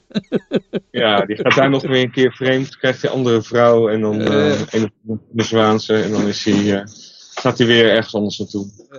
hij redt zich wel, hij is lachende derde denk ik, wat dat betreft. Ja, maar goed, dan gaan we even naar, uh, we gaan gewoon even verder. Uh, de University of Minnesota hebben een onderzoek gedaan. Oh jongens, nou dit, dit moest echt onderzocht worden hoor. dit is echt serieus. Ik denk, ja, wie, wie wil hem even voorlezen? Want ik denk dat ik echt mijn lach niet meer kan inhouden. Ja, ik moet even klikken. Want University of Minnesota digs into why people with generous unemployment benefits take longer to find work. Ze ja, ja, mensen met een dikke uitkering, eh, het duurt langer voordat ze de baan hebben. Hoe zou dat nou komen? Ja. maar serieus, dit is, uh, ja, nou ja, dit moet een keer onderzocht worden natuurlijk, hè. Dus, onderzocht door Marcilla Outlaw. Leuke naam. en dan, dan staat, maar dan moet er eigenlijk nog een komma achter. But makes it easier to govern. Weet je, dat was ja. makkelijker om ze... But makes them very docile and easy to control. Ja.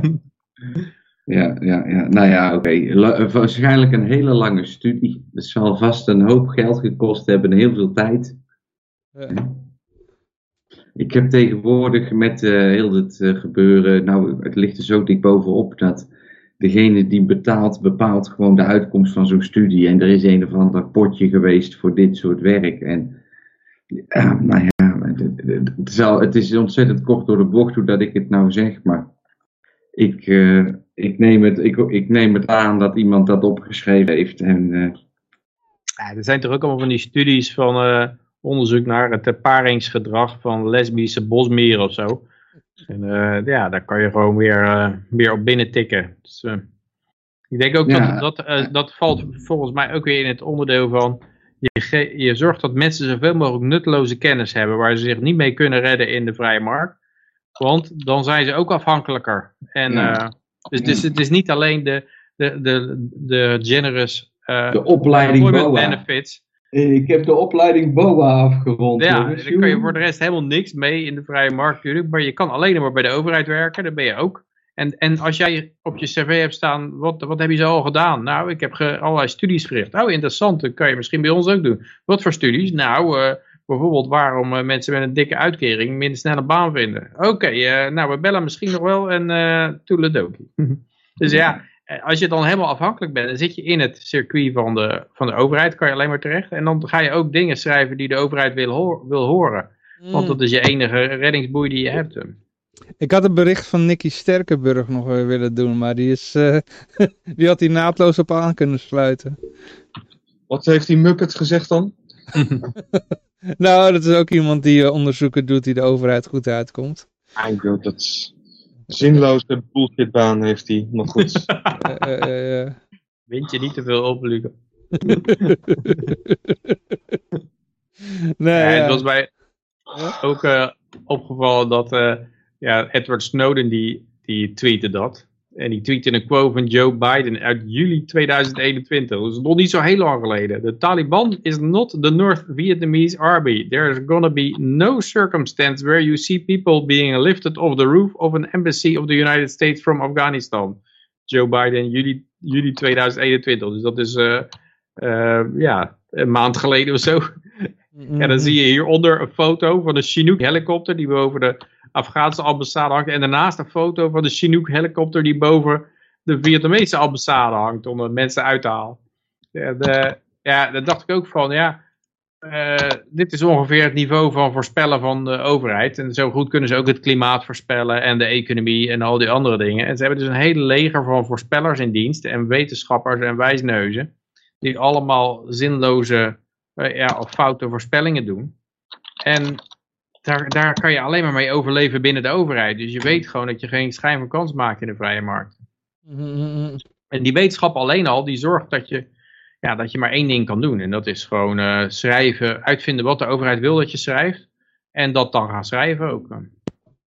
Het is ook een beetje wat Daniel eerder uh, zei nog over uh, als hij iets wat bij gaat verdienen, dat, dat het allemaal wordt achtergehouden. Of dat je er dus niks aan hebt dat je de eerste zoveel uh, uur bezig bent om je belasting te betalen. Ja, uh, ja. Maar die noemde de Taliban al. Hier een berichtje. Taliban op het presidentiële paleis om te oh, onderhandelen. Dat is, al, dat is weer oud nieuws. Ja, inmiddels al oud nieuws. Om te onderhandelen met de transfer of power, zeg maar. Een machtsoverdracht. Ja, snel gegaan, hè? Nou, ik had het helemaal niet in de gaten dat er iets aan de hand was. Oké. Ja, het was een hele smooth transition, was het. Smooth. Ja, behalve dan die vliegtuigen, ik weet niet of je dat gezien hebt van die uh, grote transportvliegtuigen, dat ze dan op die uh, wielen zitten. En... Ik heb ook een filmpje gezien van dat vliegtuig terwijl het aan het rondrijden is, maar ik weet nog steeds, ik heb het niet... Uh, ja, het wel een trein, een trein in India. Als je in de lucht hangt en die mensen vallen naar beneden toe. Uh, ja, of dat filmpje waarbij iemand in het landingsgestel hing terwijl het vliegtuig ja, ja, ja, die, die ging landen. Oh, dat is echt een kutfilmpje was dat. Uh. Maar ja, wel uh, een heel bijzondere tijd waarin we leven. Het werd volgens mij al eerder gezegd van ja, dat is bizar wat er nu gaande is. En hoe dit gaat aflopen, ja, is natuurlijk nog maar te bezien. Maar het begint er natuurlijk gewoon bij. Afghanistan 20 jaar geleden, ten tijde van 9-11, was gewoon een land wat ja, een noordelijke alliantie had en een ander deel van Afghanistan wat bezet was door uh, de Taliban. Ja, bezet. Bezet, bedoel, we zijn ook bezet door de Nederlandse regering nu, uh, zou je kunnen zeggen. En uh, dat daar is Amerika of de NATO is zich daarmee gaan bemoeien. En dat hebben ze twintig jaar gedaan. En niet alleen door, door het boefje te pakken, maar ook allerlei andere dingen uit te proberen en een democratie te brengen. Zoals uh, Clinton uh, zo mooi wil zeggen. Uh, genderstudies introduceren op de Universiteit voor Kabul. Ja, heel dat belangrijk ja, natuurlijk. Ja, ja, ja, ja. Kunnen ze niet zonder. nu is het natuurlijk wel interessant om te zien wie en hoe er gereageerd wordt. En wat bij No Agenda Show op zich al een of twee jaar geleden werd gezegd dat er ja, gewoon voor een triljoen euro aan waarde aan grondstoffen in de grond zat daar. Uh, dat zie je nu opeens wel in de media komen. Dat was toen vrij stil gebleven. Maar nu plotseling zie je van, oh ja, China is wel mogelijk geïnteresseerd in die 1 triljoen ja, aan daar, waarde. Daar wilde ik naartoe gaan werken, ja. Dat zijn inderdaad ja, maar wacht berichten.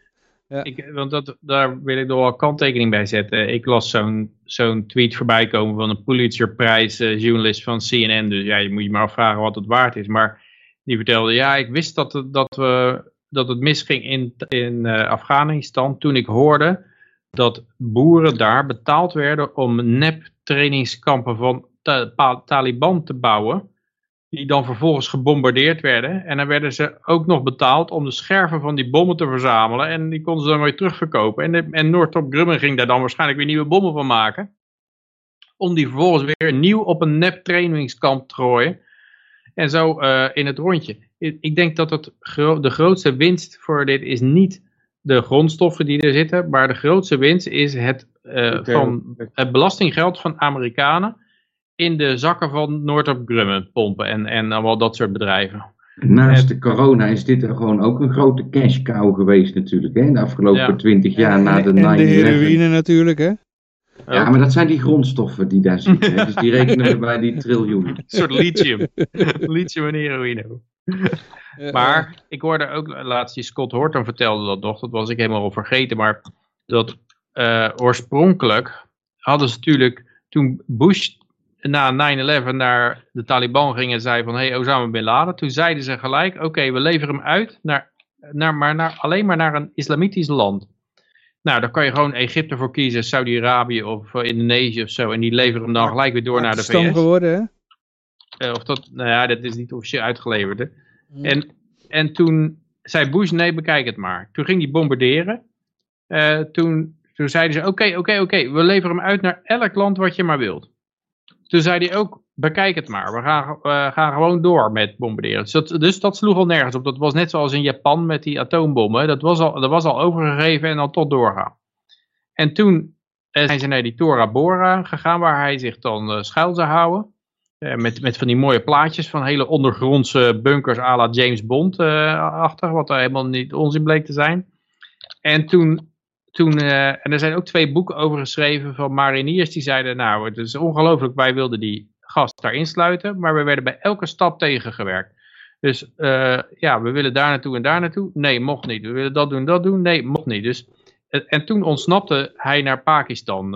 Uh, dus het, het mm. lijkt er gewoon op dat zij bewust wilden dat er geen einde aan die oorlog kwam. Die oorlog moest er gewoon komen omdat zij daar gewoon flinke zakken op gingen vullen.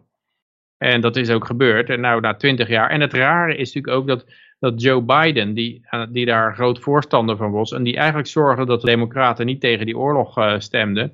Dat die zijn zoon is daar naar, naar Irak toe gegaan dan. En die heeft daar in die burning pits gewerkt. Die, die goede zoon, zeg maar. Boze, goede zoon. En die burning pits, dat zijn dan uh, grote, van die grote gaten waar ze nieuwe computers in gooiden, in de fik staken en dan weer nieuwe bestelden. Want dan zei ze bijvoorbeeld, ja, er staat de verkeerde virusscanner staat erop. Nou ja, steken, steken ze allemaal in de fik, in zo'n grote uh, burning pit.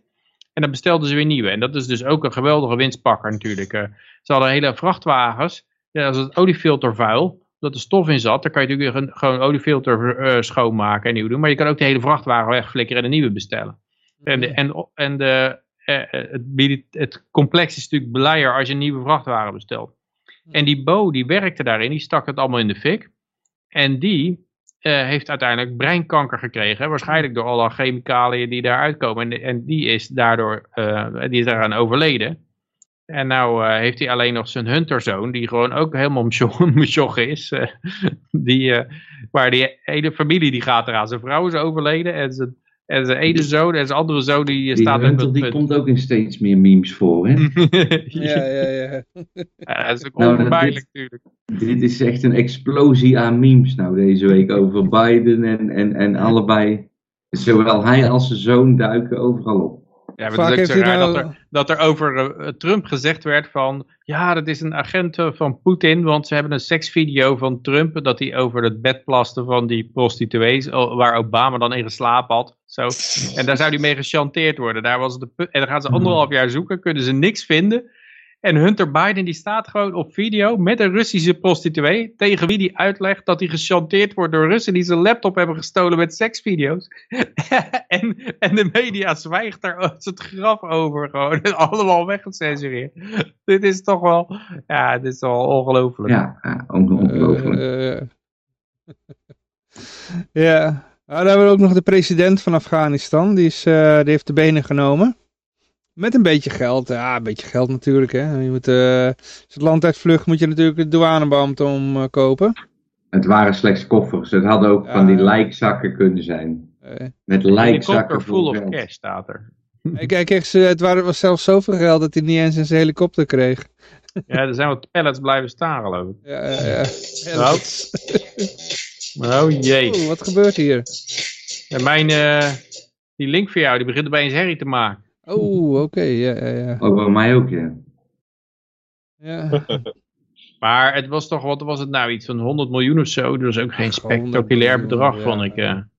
vandaag de dag. Hij moet het maar snel omzetten in eh, bitcoin. Want eh, ik denk niet dat... eh, Ja, maar dan denk ik als je het land uit wil vluchten, dat, vluchten dan is bitcoin ideaal. Ik bedoel, dat had ze tenminste in Zimbabwe gedaan, weet je nog? Ik, ik ving nog op in dat artikel dat er dus ook een stukje van zijn geld eh, nog uit de auto was gevallen. Terwijl het hij aan het wegcrossen was. Eh, eh, Hij kon het niet meeste alles zat toch in de helikopter, het geld? Ja, nou, dus sommige, een, een deel van moest het eerst naar de is, helikopter eh, toe, hè? is het niet, heeft het Ah, niet gered. Ah, want hij is naar Oezbekistan gegaan. Hè? Dus, eh, Oké. dus eh, ja, ik weet niet of hij dat dan helemaal, helemaal gereden heeft. Of dat hij dat toch ook al gevlogen Daar, heeft. daar was de helikopter voor, denk ik. Ja, maar zat die helikopter, zat hij dan hele samen mooie- met het geld of zo? Of niet? Ik denk het, ja. Ik weet het niet. Er komt dus wel een hele mooie eh, C-17 eh, naar waarschijnlijk Schiphol. Die is steeds dichter bij Nederland. Oké, er zit er gewoon helemaal vol met Afghanen. Nou, waarschijnlijk niet. Maar hij kwam uit eh, Ge- Georgië. Dat is wel interessant. Ik zit een beetje te twijfelen of ik weg moet gaan even. Maar dat terzijde. Oh, Tbilisi overigens. Ja. Maar ga verder. Ja, ja. Ja, goed, ja, eh, ja, wat kunnen we daarover zeggen? Hè? Dus, eh, dat hebben we wel vaker gezien, toch? In Oekraïne is het toch ook een keer gebeurd, dat de president eh, de schatkist eh leeghaalde? Tunesië, Tunesië ook. eh. Tunesië ook, ja. ja. Zijn vrouw zelfs in Tunesië was geloof ik, zijn vrouw die was met vliegtuig met goudstaven van doorgeraden. ja Zo, zo, ja, dit is ongeveer de echtscheidingsvergoeding. Hartstikke idee. eh, eh, eh, eh. Alimentatie. Maar ik geloof ook dat, eh dat de Amerikaanse centrale bank heeft alle tegoeden bevroren van eh Taliban. Nou ja, ik weet niet of ze daar nou echt mee zitten. Hadden alles in bitcoin gegooid, hè. Nou ja, kennelijk waren er nog wat tegoeden te bevriezen. Ja, ja. Ik weet niet. Ze hebben een Twitter-account nog. Maar, ja, maar het rare is natuurlijk dat er zitten geloof ik 15.000 Amerikanen zitten nog steeds in Kabul. Hè. Die, en die uittocht die is gewoon super slecht geregeld eigenlijk. En het ging ook veel sneller dan, ze, dan zij kennelijk zelf gedacht hadden. Maar die zitten eigenlijk omsingeld nou en, en door Kabul verspreid. En het, en het vliegveld is omsingeld door Taliban checkpoints. En er zitten nog ook mensen op het vliegveld. eh. Dus ik vraag me af hoe dat, eh, ja, hoe dat gaat aflopen. Want eigenlijk, potentieel zie ik hier een, een, een Iraanse gijzelsituatie. hè. Ja. Dat, eh, bij die ambassade hadden ze dan eh, alleen de ambassade gegijzeld in Teheran. Maar ik kan me voorstellen dat ze hier gewoon 15.000 Amerikanen gaan gijzelen. Moet je je eens voorstellen wat dat, eh, wat dat gaat opleveren. Natuurlijk ging de Taliban gelijk al bij de burgers de wapens ophalen. Want dat hadden, die hadden ze niet meer nodig. Want zij zouden wel voor de beveiliging zorgen. Ja. Ben, ben even weg, zo terug. Eh, Ja, ja, en eh, wat ook nog wel grappig is, vond ik overigens rondom Afghanistan. nou dit is niet grappig hoor. Nou, maar zijn die filmpjes van waar dan een verslaggever uh, vraagt over uh, bijvoorbeeld ja, vrouwenrechten gerelateerde vragen. En dat ze op een gegeven moment zeggen om, om te vragen van mag het filmen even stoppen. Omdat ze gewoon daarom moeten lachen. En dan denk ik ook van, snap, Wat? snap die, uh, die verslaggevers nou echt niet dat de Taliban niet toe is op dit moment aan dat soort zaken. Nee. Maar dat er dan ja, toch wel heel schattig is dat zo'n verslaggever uh, probeert daar uh, op, een, op een bekende, ja, een beetje zo'n toontje van, oeh, ja, dat is heel belangrijk. Uh, om dan daar een vraag over te stellen. De, homorechten? Zo, dat duurde even voor elkaar uit mijn woorden komen. Ik had geen eens gedronken. Oké. Okay. Nou, het is natuurlijk heel belangrijk hè, dat, dat, dat, dat er een mening, dat er dan ter plekke een mening is over de homorechten en de LGBTQX, uh, whatever. En de gender uh, equality. Ja, dat, uh, ja maar ik dat... weet niet of dat filmpje nou in is gestudeerd of niet. Want ja, die Taliban-mannetjes beginnen dan te lachen. En dan zie je wel een ander soort Taliban iemand als, als de brute met geweer in de hand hebbende uh, Taliban-strijder die dan elke uh, vrouw bij wijze van spreken vermoordt die hij tegenkomt. En je zag echt wel gewoon iemand uh, die ook humor had. En toen dacht ik wel van, ja, wat is dit nou weer voor mindfuck dat dit ja. uitgezonden wordt. Had je het over die, heb je het over die dingen dat ze in de botsautootjes zitten? Of? Nee, die verslaggever die vragen stelt over vrouwenrechten. Oh ja.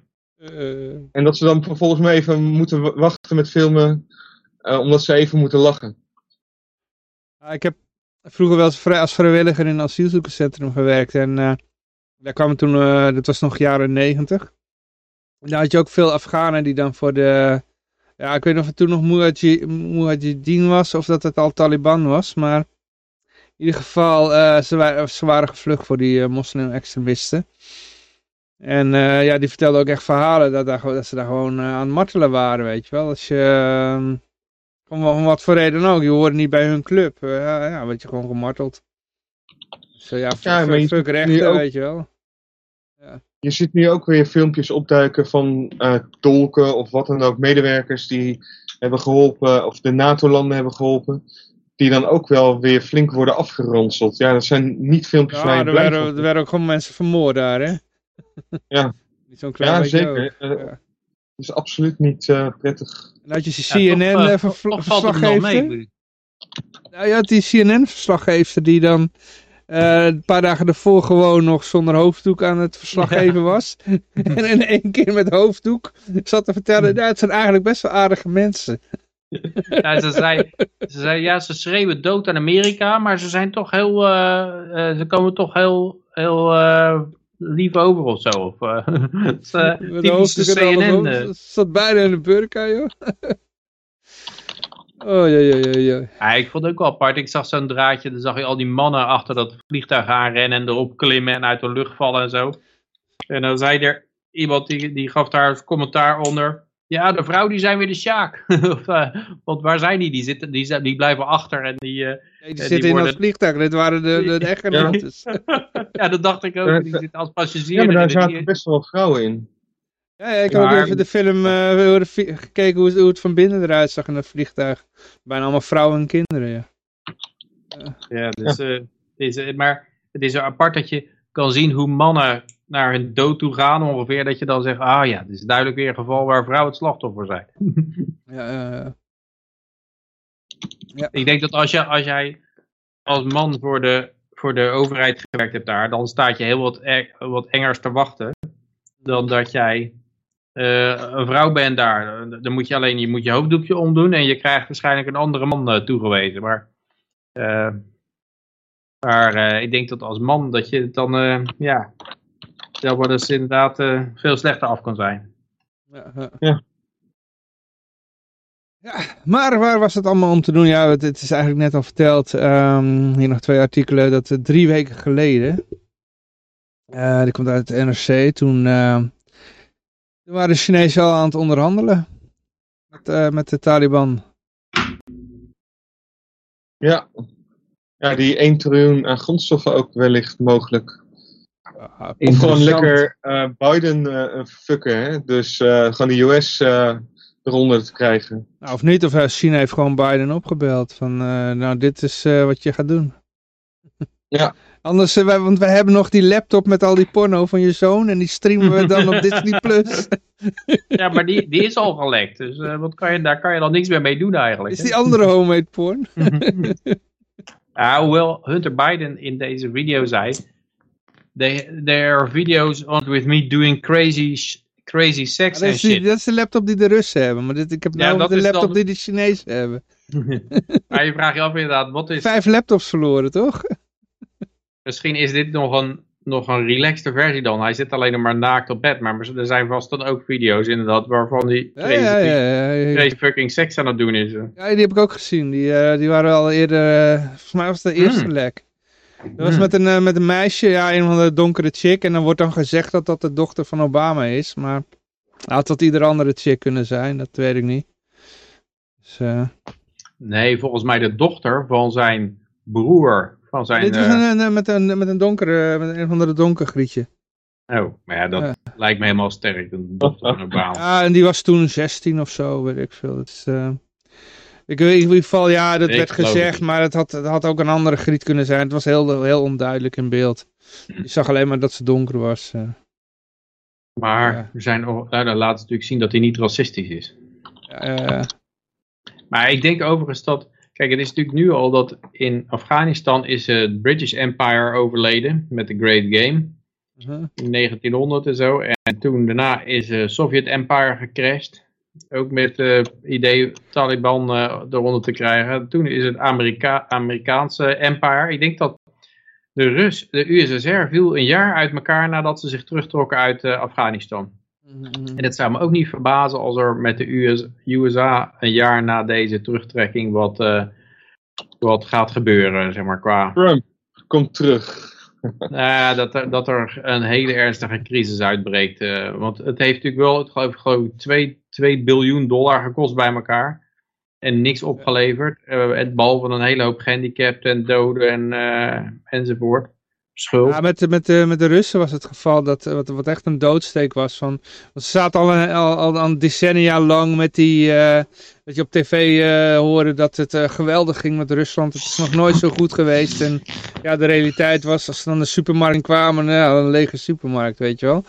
Hm. En nu met, met, met Afghanistan kregen ze dus gewoon de post van die mensen die daar aan het front vochten. Uh, ja, er was gewoon schrijnende verhalen hoorden ze, weet je wel. Van, ja, wij lopen hier alleen maar schaapherders te, en geitenfokkers te bombarderen. En die schieten onze peperdure helikopters uit de lucht. En, uh, en ja, hmm. waarom doe ik dit? En ik heb iedere avond nachtmerries, dat soort dingen. Dat kregen ze de hele tijd te horen. Ja, maar dat is nou ook zo bij Amerika, denk ik. Nou ja, in ieder geval hier, hier hoor je het ook nog wel gewoon op tv dat het gewoon een verschrikkelijke boel is. En daar was het gewoon op tv hoorde je echt alleen maar het, uh, Rusland doet het geweldig. En in nou, Afghanistan uh, maakt de ene na de andere overwinning. En uh, ja, dan krijgen ze de post te lezen van de, precies het tegenovergestelde. Dat was ook echt gewoon de druppel. Afghanistan papers ja. natuurlijk ook wel een soort koude douche waaruit bleek dat het één grote money pit was eigenlijk. Waar gewoon de, één grote corrupte bende om, om geld in je zakken te douwen. En, ja, en Trump wilde daar wel wat aan gaan doen. Die had al, uh, dat was ook in de no Ja, die had de modderoffel uh, boms daar gegooid, hè? nee, maar Trump had echt hoeveel, miljoen, dit hoeveel miljard was dat? huh? Nee, maar hij had uh, al met de Taliban gesproken, vorig jaar of het jaar daarvoor. En was dus ook al onderhandelingen aan het doen over... Ja, het was zijn, zijn datum voor terugtrekking was 31 mei. Dat was Trump zijn uh, idee van uittrekken. Toen kwam Biden en die zei, uh, ho ho, uh, de Trump zijn terugtrekkingsdatum doen we niet, we doen 1 11 september. Ja. Symbolisch op de dag, dag van het World Trade Center. Alleen maar, de aantal stappen die waren afgesproken tussen de regering van Trump of Department of Defense en de Taliban, die zijn niet opgevolgd. Uh, en er zijn heel veel stappen uh, overgeslagen. En eigenlijk is alleen maar de laatste stappen uitgevoerd overdracht van de macht naar de Taliban. En niet al die stappen die daarvoor kwamen. En uh, ja, dat, dat lijkt hier vooral fout te zijn gegaan. Ja, ik denk dat Trump ook geen enkele invloed had op dat, uh, ja, op het leger. Want het, er zijn natuurlijk al zat legermensen geweest die gewoon met trots hebben gezegd dat ze Trump, Trump voorlogen over troepenaantallen en alles. De, ja, dat, eigenlijk is het gewoon landverraad, maar uh, zij train, traineerden dat heel erg. En ja, ja ik denk niet dat, uh, dat hij daar wat in te zeggen had. Maar eigenlijk was die oorlog natuurlijk al verloren. Die was natuurlijk eigenlijk, eigenlijk al tien jaar geleden was die al verloren. En de enige reden dat er geen slachtoffers vielen de laatste jaren, was, was omdat er een, een, uh, een overeenkomst gesloten was met de Taliban. Maar zonder die, zonder die overeenkomst zouden, zouden ze gewoon over ze heen gelopen zijn. Dus ja, ze wisten dat het gewoon moet aflopen. En ja, uh, ja je had het alleen wat eleganter kunnen doen. Want nou kwam dit, ja, je kan zeggen Rusland en de USSR was een verrassing.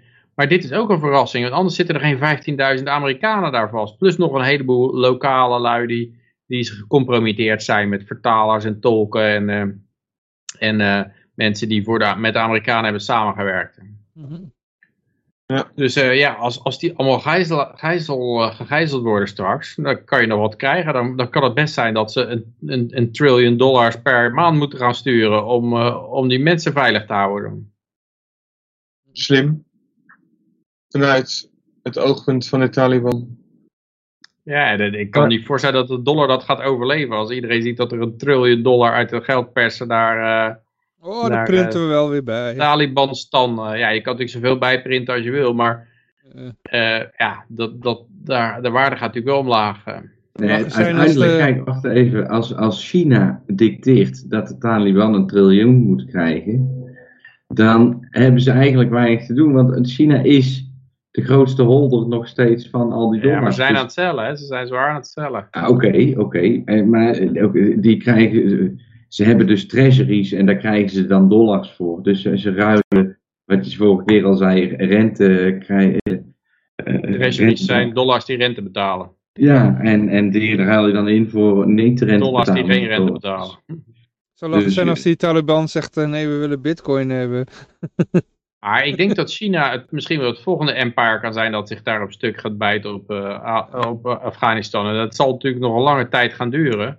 Maar er, is gewoon een standaard methode waarin je verstrikt raakt in dit soort dingen. En China is, is niet minder een empire dan, dan de VS. Het is alleen zo, in het begin werken ze met honing en aan het eind werken ze met de stok. En, en, de Chinezen zitten nog in het, in het moment dat ze met honing werken. En dan vindt iedereen het geweldig, want ze doen investeringen en, ze, en er komen dingen en het, uh, ja, je krijgt allemaal cadeautjes.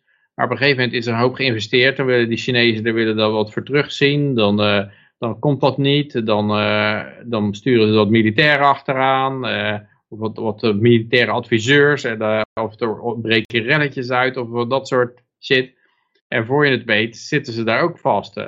maar dat, dat, ja, is maar... Nog, dat is nog een end weg. Maar het zou me niet verbazen dat, ja, dat de Chinezen gewoon weer dezelfde fout maken. Want, want de fout van de Sovjet-Unie die is ook gewoon weer herhaald door de Amerikanen. Ja. En, en de Vietnam hebben ze eigenlijk gewoon, gewoon weer herhaald en Cambodja enzovoort. Eh. Ja, aan de andere kant is uh, China best wel, of heeft al best wel wat vaardigheden op dat gebied kunnen opdoen de afgelopen jaren. Door bijvoorbeeld ook in Syrië uh, gewoon economisch gewoon volledig actief te blijven. Ook daar uh, zijn aan, aan zowel de kant van de SDF, dus de de, voornaamste ja, verzameling van rebellen en uh, de regering hebben ze gewoon ook auto's en telefonie-equipment naar binnen gerold en hebben ze ook gewoon geld voor gekregen. Kwamen ook gewoon Chinezen naar Damascus en naar Aleppo toen dat nog uh, bezet was om, om daar zaken te doen. En uh, als je het op die manier, als ze het op die manier blijven doen en niet dat politieke erbij halen, dan zou China dat wel eens langer kunnen volhouden in de zin van dat ze niet die uh, geostrategische doelstellingen haalt, maar wel gewoon uh, kan binnenlopen op markten waar uh, Amerikanen en Europeanen niet meer durven te komen. Ja, maar dat uiteindelijk gaat de politiek zich ermee moeien. En dat zie je in China al, omdat ze Ze hebben nou een, een oorlog tegen de high-tech industrie ingezet. Ze hebben Alibaba, Tencent, die hebben ze, al die bedrijven zijn ze aan het zeg maar, nationaliseren en die, die CEO's aan het, uh, aan het uh, indammen. En nou hebben ze zelfs de hele private education sector hebben ze illegaal verklaard. Dus ze zijn, ze zijn die, die, uh, die economische macht, die, die, die, is de communistische partij aan het indammen. Ze hebben dat ja. hele, heel lang de vrije loop gelaten. En, en dat gaan ze niet meer doen. En dat, dat zal als zij zich meer met de economie gaan bemoeien, dan komen ze ook daarbij. En ik weet dat bijvoorbeeld de Chinezen hadden ook iets van hadden miljarden geïnvesteerd in de Libische oliesector. En toen kwam opeens de NATO daar en uh, knalboom, klets, uh, toen, toen Gaddafi daar nog zat. En toen hebben ze die mensen allemaal, die Chinezen, hadden ze allemaal Chinese werkers zitten ook. En die hebben, hebben ze gewoon moeten evacueren. Ja. Dan ben je eigenlijk gewoon een enorme investering kwijt. En op een gegeven moment dan gaan de Chinezen ook zeggen van, ja, misschien moeten we wat militairen meesturen om, uh, om te zorgen dat, de, dat dit niet weer gebeurt. Ja. En dan... Oh, dat hebben ze in Syrië wel gedaan. Daar ja, hebben nee, ze ook het, uh, militair uh, geleverd. Het begint altijd goed en het eindigt altijd slecht natuurlijk. Ja. ja. Ik had hier nog trouwens nog een berichtje ook van een paar weken geleden met die onderhandelingen van China en Taliban. Er staat hier, China vraagt Taliban om hulp tegen moslim-extremisme. Oké, okay, maar is de Taliban dat zelf niet dan? ja, dit is ook wel een hele, hele een, een aparte invalshoek inderdaad. Nou, maar Chinezen zitten moslims in, in Oost-Turkije of in Oost-China te onderdrukken. Dus ja, het lijkt me niet dat dat een natuurlijke bondgenoot is van de Taliban. Nou ja, ja, kijk, maar misschien dat op het leerproces waar ze in zitten. En dat ze op een gegeven moment ook leren, oh shit, we moeten ook de Oeigoeren met rust laten als wij nog met bepaalde landen uh, handel willen drijven. Want ook in Afghanistan, of vanuit Afghanistan, uh, werd er in China, uh, ja, of nee, de Oeigoeren kregen vanuit Afghanistan ook steun ja, ja, ja. van uh, rebellen om uh, de Oeigoeren... Ja, natuurlijk een part of the deal natuurlijk. Hè. Ze, ze hebben natuurlijk van, ja oké, okay, wij willen best wel zaken met jullie doen, maar uh, houden jullie dan de Oeigoeren ja. in bedwang? Dan kunnen jullie van ons dit en dat en dat krijgen of zo. Mm. ja. Ja, nee, dat is wel logisch, ja. ja.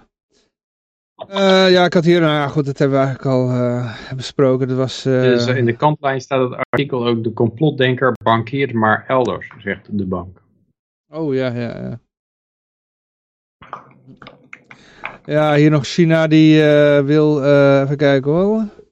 Die wil Afghaanse grondstoffen, er ligt nog voor meer dan duizend miljard. Ja, dat hadden we eigenlijk al verteld. Dus, ja, dat, dat is zo'n inschatting waarvan je kan zeggen, ja, duizend miljard, uh, dat hangt er vanaf ja. hoeveel, dollar, hoeveel dollars er zijn natuurlijk. ja, ja, op de koers van vandaag gaan we daarvan uit. Ja, ja. Uh, dat is ook maar een schatting, want ik bedoel, ik, ik ken het verhaal misschien wel van... Uh, je, je had zo'n stukje niemandsland, hè, vlak onder de drie landenpunt. Dat was toen het vier landenpunt, dus dat neutrale zone. Moresnet. Ja, Moresnet. De reden dat dat er kwam was omdat ooit iemand bij de bank had lopen opscheppen dat er voor duizend jaar aan, uh, hoe heette die grondstof? Zink, Zink, zinkmijn. Ja, zinkmijn, ja. En dat zou voor duizend jaar liggen. Nou ja, binnen vijftig jaar was die helemaal leeg. En, uh, maar ja, dit is gewoon, die hebben lopen opscheppen uh, om die investering te krijgen. Dus dat is nog maar de vraag of er echt zoveel ligt. Want voor hetzelfde geld... Uh... Ze hebben het over zeldzame edelmetalen. Ja, ja. Maar als je daarop klinkt op die link, dan gaat het helemaal niet om edelmetalen, maar om rare earth metals. Ja. Dus uh, nee, dat zijn van die die... Ja, en dat molybdenum en zo, en voor, voor staal en voor magneten en... Mm Maar ja, ik vraag me af hoe dit in Amerika gaat vallen. Want ik las ook al van die, van die berichten. Dit is het einde van de New World Order. Uh, dit is zo'n tegenslag. Daar komen ze nooit weer van terug van Afghanistan. Ik dacht ook van, nou, er zijn al zo vaak dit soort dingen. Nee, die, die, die, New World Order die is nou dus gewoon geïnfiltreerd in de, in de People's Republic of China. die hebben inmiddels... Uh, in China Amerika, Amerika gaat weer een andere, ander land binnenvallen. Venezuela, let maar op. Nee, ik heb eerder het idee dat ze binnenkort een keer uh, naar die uh, domestic terrorist gaan. Want ze zitten dat heel erg te hypen. elke Trump supporter is een domestic terrorist. En libertarians stonden er ook al bij, hè? Ja, Dus, eh, en je mag ook niet over 9-11 praten. Mag niet. Nee, inderdaad, vaccinweigeraar, allemaal dat soort mensen, dat zijn allemaal terroristen eigenlijk. En, en Ja. ja, ja die, ik denk dat ze die nou, want ze pakken het liefst natuurlijk altijd hulpeloze groepjes eh, aan.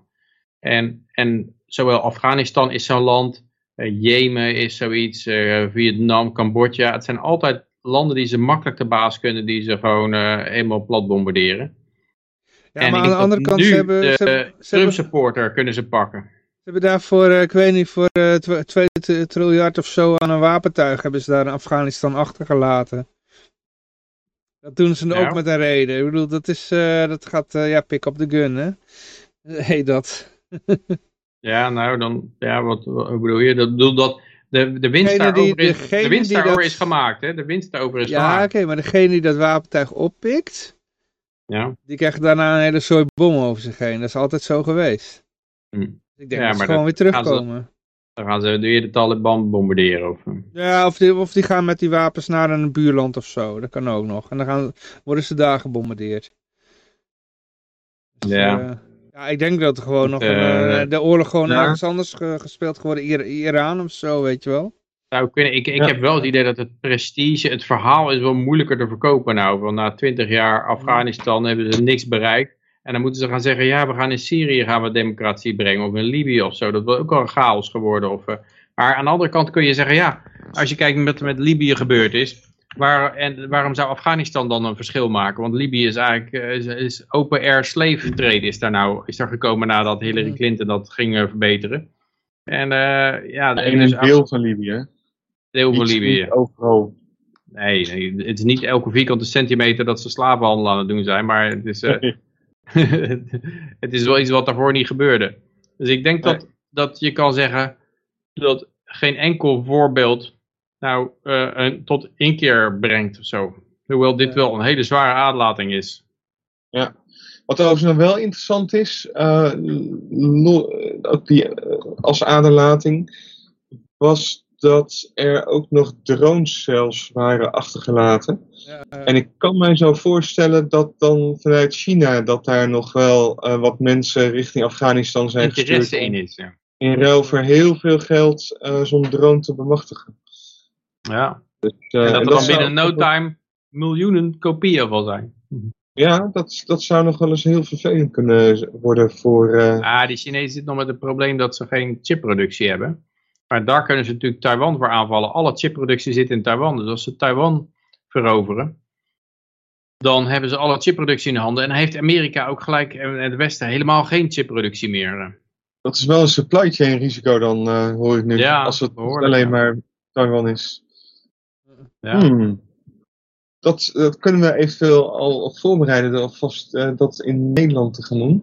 in Veldhoven hebben ze toch ook nog eh chipproductie? Of eh, Nee, ze hebben die... wat doen ze daar? Ze, ze maken die machines om chips te produceren. Oh, maar die machines... Ja, maar als ze die- de machines hebben, dan kunnen ze dat toch... eh, ja, maar dat kan je dus in Nederland niet doen vanwege allerlei milieu shit. En eh, oh, in ja, Nederland ja, is ja. is het gebruik, wij verkopen alleen machines, eh, maar, maar we kunnen ze niet, niet gebruiken. Zo, Philips heeft wel eens geprobeerd hier een chipfabriek neer te zetten, maar je hebt, je hebt ook nog een enorme cleanroom nodig, ook voor die, eh, en, en krijgt er afval uit, en dat afval dat, dat mag je weer niet kwijt hier in Nederland natuurlijk. En, eh, ja.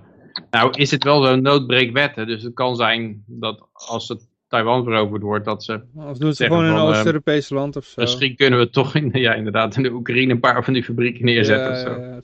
Mhm. Oostblok is groot genoeg. Ik moet zo wel even mijn dochter eh, halen bij een eh, vriendje van haar. Ja, laten we even zo- snel afronden, want hoe laat is het eigenlijk? Oh ja, ja, ja. Nou. laten we er even snel een eindje aan brouwen. Ehm, ja, ja, ja, dan gaan we even nog, eh, ja, we hebben nog wat coronanieuws. Eh even kijken hoor, Eh, waar waren we, waar waren we? Lockdown Nieuw-Zeeland. Nieuw-Zeeland. Lockdown Nieuw-Zeeland. Nieuw-Zeeland ja. enter lockdown after a single virus found. Ja. Virus case found. Nou, niet, nou, ik denk dat het ook nog wel gaat gebeuren. Als ze één virus vinden, dat het hele land wordt geshutdown, zeg maar. Eén één positieve PCR-test was het toch? Was nou één positieve PCR-test? Maar Bijna als je 58 die niet kan vinden, dan is het gewoon de volgende stap is één virus. Ergens Ja. één virus. Lang leven de vrijheid daar, hè? Nee, maar dus, Ja, nou, dan eh, hoor je nog zeggen van ja, het was een vrouw. En als- een vrouw zal nooit zo'n eh, enorme fascist worden en zo. Want die, die geven toch eh, geboortes en dat leven zo. Maar dat heb je hier in Nieuw-Zeeland. eh, een enorme tiran. eh Prime Minister Jacinda Ardern. eh, vrouwen, hè? zoals we dat kennen. Oh, wacht even, de vrouw des huizes loopt langs. Dus oh de- jee. Nou, het, Snel gaat om de individuen, het houden. gaat om individuen. Mannen kunnen ook tiran zijn natuurlijk. Hè. Maar absurdo Ja, van mannen wisten we het al natuurlijk. Maar van de vrouwen was het verhaal dat dat, dat, dat eh, onmogelijk zou zijn. Maar dat eh Ik denk dus niet dat het tiran zijn aan het geslachtsdeel ligt. Hoor. Ja, maar goed, Ja, het was in ieder zijn geval... vaak wat agressiever. Hè? Dus, eh, dat kan je. Vrouwen kunnen Er het staan ook dus zijn hoor. Het was in ieder geval een blij socialistisch kipje altijd. En eh, ja, nu zie je ook eh, dat eh, socialisme weer leidt tot allerlei eh, neveneffecten waar je, waarvan ook de bevolking snel genoeg zou afvragen of, eh, of dat wel zo'n goede aanpak gaan stemmen. Maar ja, die zal wel je- oneindig, tot in oneindigheid demissionair net zijn, net als in. Nederland. Ze is net herkozen. Herkozen? Ja, Oh. Ja, een paar maanden, drie maanden geleden of zo. oh man, mensen hebben echt een Stockholm-syndroom. hè? Ja, Ja, maar, maar ik hoorde overal, ik sprak laatst met een collega, die eh, komt uit China en haar ouders wonen nog in China. En die zegt, oh mijn moeder, en in China worden geen nieuwe paspoorten meer uitgegeven. Dus je kunnen niet meer het land uit. Uh, Als je paspoort verloopt, kan je geen nieuw paspoort meer krijgen. En die vertelde van haar moeder, die woont daar nog. En die was zo trots op haar overheid, want die hadden het zoveel beter aangepakt dan waar dan ook, die eh, covid-crisis. En daarom waren ze nou van de covid af. En nou is de hele haven, in, in eh, de Ja. derde grootste haven in Shanghai, is ook weer dichtgegaan Ja. vanwege, vanwege één case of zo. Er zijn, er zijn hele rare dingen waarvan ik me afvraag, het kan haast niet zijn dat, het, dat ze echt voor die ene case eh, zitten. Zogenaamd willen ze dan zero covid houden. Ze willen een gebied helemaal isoleren zodat er nooit covid komt. En eh, ja, dat- dat lijkt mij gewoon onmogelijk. En, eh, maar ik heb het idee dat, dat dit, dit ook een economische reden heeft. Dat, eh, dat ze in Nieuw-Zeeland en eh, in Shanghai gewoon die hele, zijn hele haven eh, dichtgooien en een heel land dichtgooien. Ja, eh, Want ik ik, ervoor. las ergens dat Nieuw-Zeeland die zou als eerste zou die, die, rente gaan verhogen. Eh, als, een, of als een van de eerste. En dat gaat nou niet door vanwege de lockdown. Oké, dit is interessant. Centrale bank invalshoekje van dit eh, geheel. eh, eh.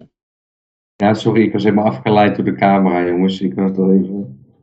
We hebben natuurlijk nog de Australië, hè, melkkorf. eh, moet je melkkorf ophouden, zelfs als je een biertje drinkt. Ja, er was ergens ook zo'n eh, zo'n dame die had, eh, die had zichzelf een melkkorf opgestuurd. Oh ja, ja, ja. En, eh, en toen gezegd van, "Oh, ik word eh, bedreigd vanwege mijn eh, COVID-reactie. Toen- bleek dat ze zelf had besteld. Ja, inderdaad. Met de eigen creditcard ook. Ze zijn ook niet zo super slim, heb ik het idee. Die, eh, Doet Die, me een eh, beetje denken aan die ene acteur, weet je nog? Dan moet je gewoon dubbel Ja. down. Jules moet je gewoon Crozet. dubbel downen. Dan zeg je gewoon, ik ben gehackt. Eh, ja, ja, ja. Ja, maar leuk Er was toch, iemand dat- die, anders die dat ook gedaan had. Ik, die zei opeens, ik ben gehackt, toch? Wie was dat? Ja, ik, eh, ja, ik weet er wel eentje, maar het is, de, de, er was een, ooit eens een bakkerij, bakker, bakker iets bij eh, Gordon Ramsay. Hmm. Maar dat is niet echt eentje om nog over naar huis Maar te schrijven. Jussie Smollett is, eh, is iemand die, eh, ja, die, Ja, is is van dit soort eh, dingen. ja. Ja, aan de andere kant laten we ook blij zijn met dat soort types. Hè? Dat geeft ook nog wat eh, om over te lachen. Wat show. En de bevolking rekent er vanzelf wel mee af. Ja, op een gegeven moment moeten ze wel verhuizen vaak, inderdaad. Dat ze toch doorkrijgen van, ja, ik zal het ergens anders nu moeten gaan proberen, want dit werkt niet helemaal. We hebben nog eh, Biden, die, eh, even kijken hoor, die wil booster shots voor alle Amerikanen. Ja, heel Ja, het was Ja. eerst voor de, alleen voor de meest kwetsbaren. Maar nu eh, Iedereen. nou uitgebreid. Ook heb je allergie of niet. Ja, hier komt de logica van de booster shot voor eh Yoshi Livo. Hè?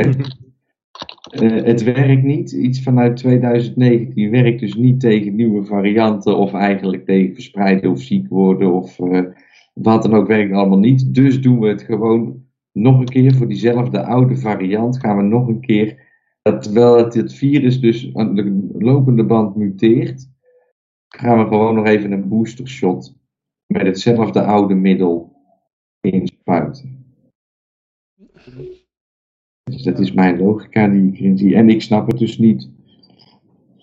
dat je dat zou gaan nemen. Want ik, als het eerst niet werkt, dan werkt het daarna ook niet. Ik denk extra, niet dat, dat... extra sales is dat. Precies. Ik denk ook niet dat het uh, mensen genezen het doel is hoor. Dat is volgens mij al heel lang nooit het uh, doel geweest van de farmaceutische industrie. Het doel is winst maken. Ja, maakt, niet uit, maakt niet uit wat je in dat medicijn stopt. Zolang het maar verkocht wordt. Volgens mij hebben we eigenlijk dit, uh, dit die model al uh, net genoemd met, die, met Afghanistan. Van, uh, dat, dat je nepkampen bombardeert om vervolgens die schermen, scherven op te laten rapen om die weer om te smelten voor nieuwe bommen of zoiets. Dat was het? Ja. Ja. Lekker dagbesteding. Ja, ja, ja. Dus, ja, het is gewoon net zoiets. Het is gewoon een melkkoe voor die, uh, voor die grote bedrijven. Dus, uh, ja. kunnen zich weer afrukken op de cijfertjes. Maar ik denk wel dat, dat daar toch een keer wat mis mee gaat. Want tuurlijk, tuurlijk, tuurlijk. Ik denk dat, ze, dat ze daar zeer, makkelijk, zeer zo makkelijker over gaan doen. Van, nou, als we hiermee wegkomen, dan kunnen we ook wel nog wat minder testen doen. En, en nog wat sneller. En nog een, nog een raardere pandemie uit, de, uit, de uit onze hoed trekken. Ja, maar ja, en op een gegeven moment dan... De... Uh, Zolang ze de media in hun zak hebben, is het een beetje lastig om dit... Uh, ja, maar dat eindigt denk ik als er een keer goed wat, mis, wat eh, goed misgaat. Ja, ja. Dus het is wachten tot er een krant is die er niet meer aan mee wil doen of zo. Ja, ik denk dat die krant vanzelf komt als er een hele hoop mensen een, een afwijking krijgen of zo. Dat is al wel een beetje, heeft dat plaatsgevonden. Ik weet nou niet meer precies wat het was, maar zelfs in Nederland dacht ik dat er wel iets van een een statement was gemaakt van nou we gaan niet alleen nog maar uh, vanuit die overheid mee. Oh, of in ieder geval... is uh, mij ontgaan dan. Ja? Nou oké, sorry. Volgens mij was het andersom toch? Nee, er was vorig jaar heeft de Volkskrant hoofdredacteur ja. uitgesproken dat hij inderdaad in deze moeilijke tijd vooral de overheid wilde ondersteunen in het uh, naar buiten brengen van hun bericht. Uh, maar ja, oké. Okay. Ja, uh, ja, we zijn eigenlijk aan het einde van de, de, uitzending. Ik weet niet of we nog ergens over iets nog willen doorlullen. Dat je nog iets hebt van, hé, hey, what the fuck, dit hadden we eigenlijk nog moeten noemen. Misschien dat luisteraars hebben, zoiets hebben van, uh, we hebben inmiddels twee, het is verdubbeld. Uh, ja, dat ben ik. Misschien dat uh, in ieder geval, ja, we hebben nog vier YouTube luisteraars, Facebook. Een Fjottertje en Flabbergast zie ik hier. Fjottertje is er ook bij. Misschien dat er nog mensen zijn die luisteren die zeggen, hey, willen jullie nog hier iets over zeggen? Dan is nu je kans, dus grijp het toetsenbord. En dan, ja. Misschien kan jij nog wat vertellen over jouw avontuur in Lieberland. Nou, ik heb vandaag een show gemaakt. Die kun je terugkijken op twitch.tv slash. Mhm. Mijn verhaal in Lieberland, dat, dat loopt gewoon steeds spaak op het feit dat er te weinig aandacht uitgaat. Dat, uh, dat, nou ja, eh, op zich is het heel positief te noemen dat er dus ongeveer, er waren ongeveer 50 mensen op dat festival. Floating Man, hè, heet dat? Floating Man, ja, noemen ze het. En Lieberland die heeft nu dus een, ehm, ze zeggen, maar ik ben nog aan het uitvinden of het klopt, uh, dat ze een, een, soort van bungalowpark hebben gekocht. Daar is een man mee begonnen met te bouwen. En dat heeft hij nooit afgemaakt. En dat hebben ze dus half af overgekocht. Dat is het verhaal. Mm En dus dat wordt nog gecontroleerd. Kun je me later nog een keer op terugvragen. En um, daar was in ieder geval wel een festival afgelopen weekend. Mhm. Van 12 tot en met 14 augustus. Met in het begin conferenties. Het punt is dus dat je in dat gebied ehm, ontzettend veel muggen hebt. Als het de zon ondergaat, dan heb je daar echt een ontzettende hoeveelheid uh, aan insecten rondlopen. Nou ja, dus je ziet hoe het een typisch fit-projectje aan het worden is. Hè? Want hij verkoopt de meest mooie bungalows, maar dan kom je er. Want je hebt hem een keer horen spreken ergens bij je lokale libertaire bijeenkomst. En dan denk je, verrek ik ook zo'n bungalow en dan steun ik Lieberland een beetje. En dan kom je in je bungalow en dan zit je dus wel met heel veel muggen. Uh, Snap je? Dus zo zie je alweer hoe dat het een beetje... Uh, het is, het is, Donau is natuurlijk een moerasgebied, hè? Ja, dat is zo. Dat is zo. Dus dat kun je ook weten. Maar in ieder geval, het is best een heel mooi uh, gebied. En er staat dus al een heleboel locaties zijn in principe beschikbaar. Alleen je moet daar dan moet het even inrichten. Hè? Want het zijn alleen de kale kale hutjes, zeg maar. Maar om, om een meertje heen, en het is best wel leuk, ja, je kan er best wel iets leuks van maken. Dit is eigenlijk, toen ik twee jaar geleden zei van nou, laat mij op die boot.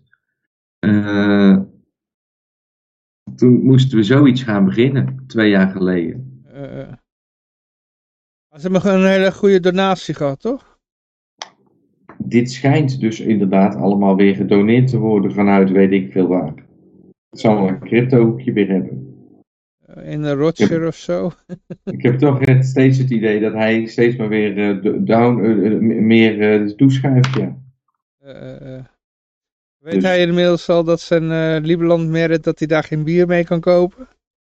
Weet ik niet. Mijn video is wel al, al 150 keer bekeken. Okay. En meestal zit ik op de 50. En ik heb het vandaag in alle Bitcoin Cash kanalen rondgebazuind. Uh, dus iedereen kan het gewoon terugzien. Het staat allemaal online. Mhm. Ja. Maar uh, goed, ja, nou, goed uh, ja, ja, voor, voor jouw YouTube-kanaal is, YouTube-kanaal is EFL-liefhebber.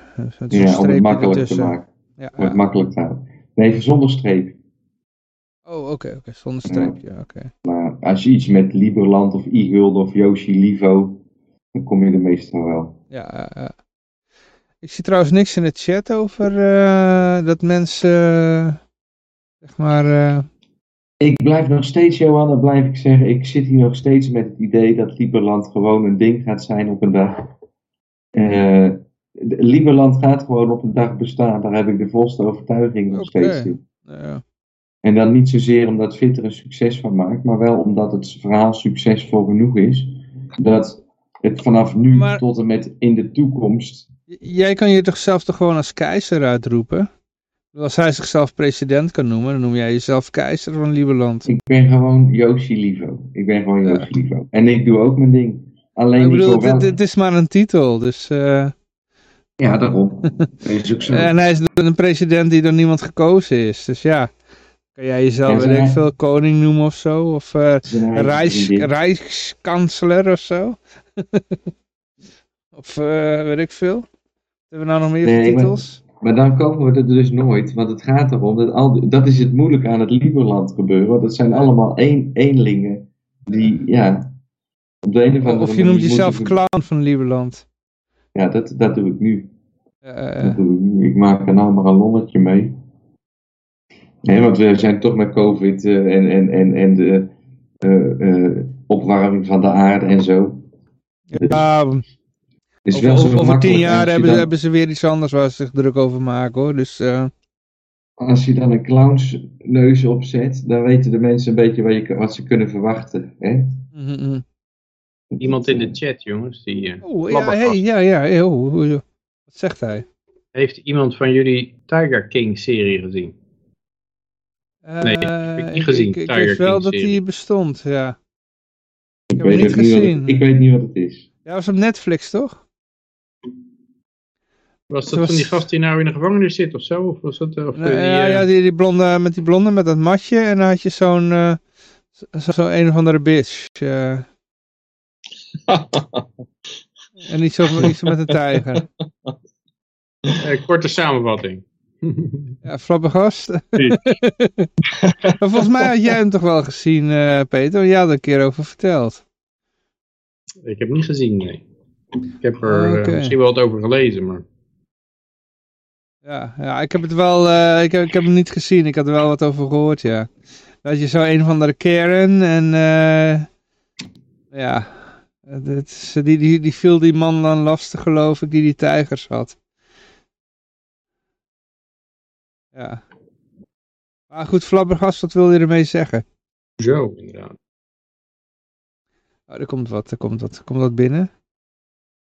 Ja, Joe Exotic was kandidaat. Ja, dat is ook toevallig. Ik heb dus vandaag, nou ja, is dit het waard om te vertellen. Maar nu komt die naam Joe Exotic Oh, oké. nog Ja, een keer. Oh, dat is kandidaat voor de Libertarische Partij. Oh, dat wist ik niet, joh. Eh, gewoon landelijk of lokaal?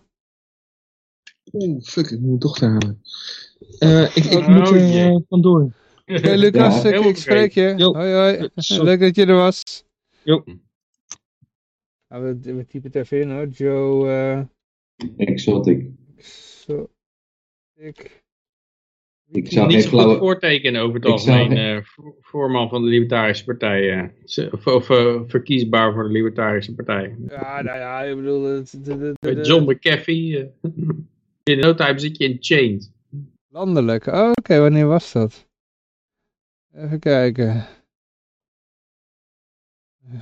Ja, deze gast. Ja, inderdaad, met dat matje. Ja, ja, ja. Even kijken hoor. eh, Biografie. Oh, jongen, een hele, heel verhaal. Inderdaad, Libertarische Partij zie ik staan. Ja, ik, eh, biografie. Even kijken hoor. Eh, park ook eh, JW zogenaamd in waar Winniewood, Oklahoma. En beweerde eh, de meest eh, productieve tijgerlokker te zijn, of fokker te zijn van de Verenigde Staten. Eh, hij kwam eh, tweemaal eh, eh, zonder succes eh, op voor een politieke functie. Eerst als eh, onafhankelijke eh, kandidaat voor het presidentschap van de Verenigde Staten in 2016. En in 2018 voor gouverneur van Oklahoma voor de Libertarische Partij. Ah, ja, ja, ja, ja, ja. In 2019 werd hij veroordeeld voor eh 17 federale beschuldigingen van, de, eh, van dierenmishandeling. en twee eh, beschuldigingen van eh, huurmoord. Hij zit, er zit een straf uit van 22 jaar. Oh shit, hé.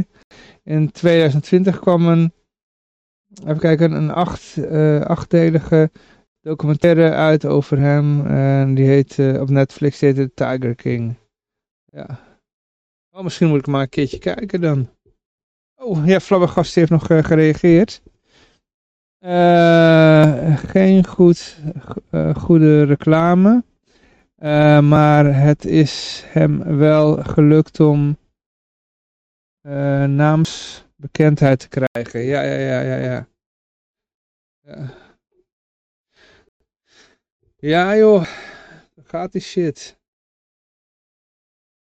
Helaas. Als libertariërs het nieuws halen is niet altijd al te best, hè? Ja, ik heb het idee dat er heel veel van die mensen zijn die dik in de problemen zitten en die dan een strohalm zoeken. En dan de Libertarische Partij die heet bijna iedereen welkom in zijn wanhoop.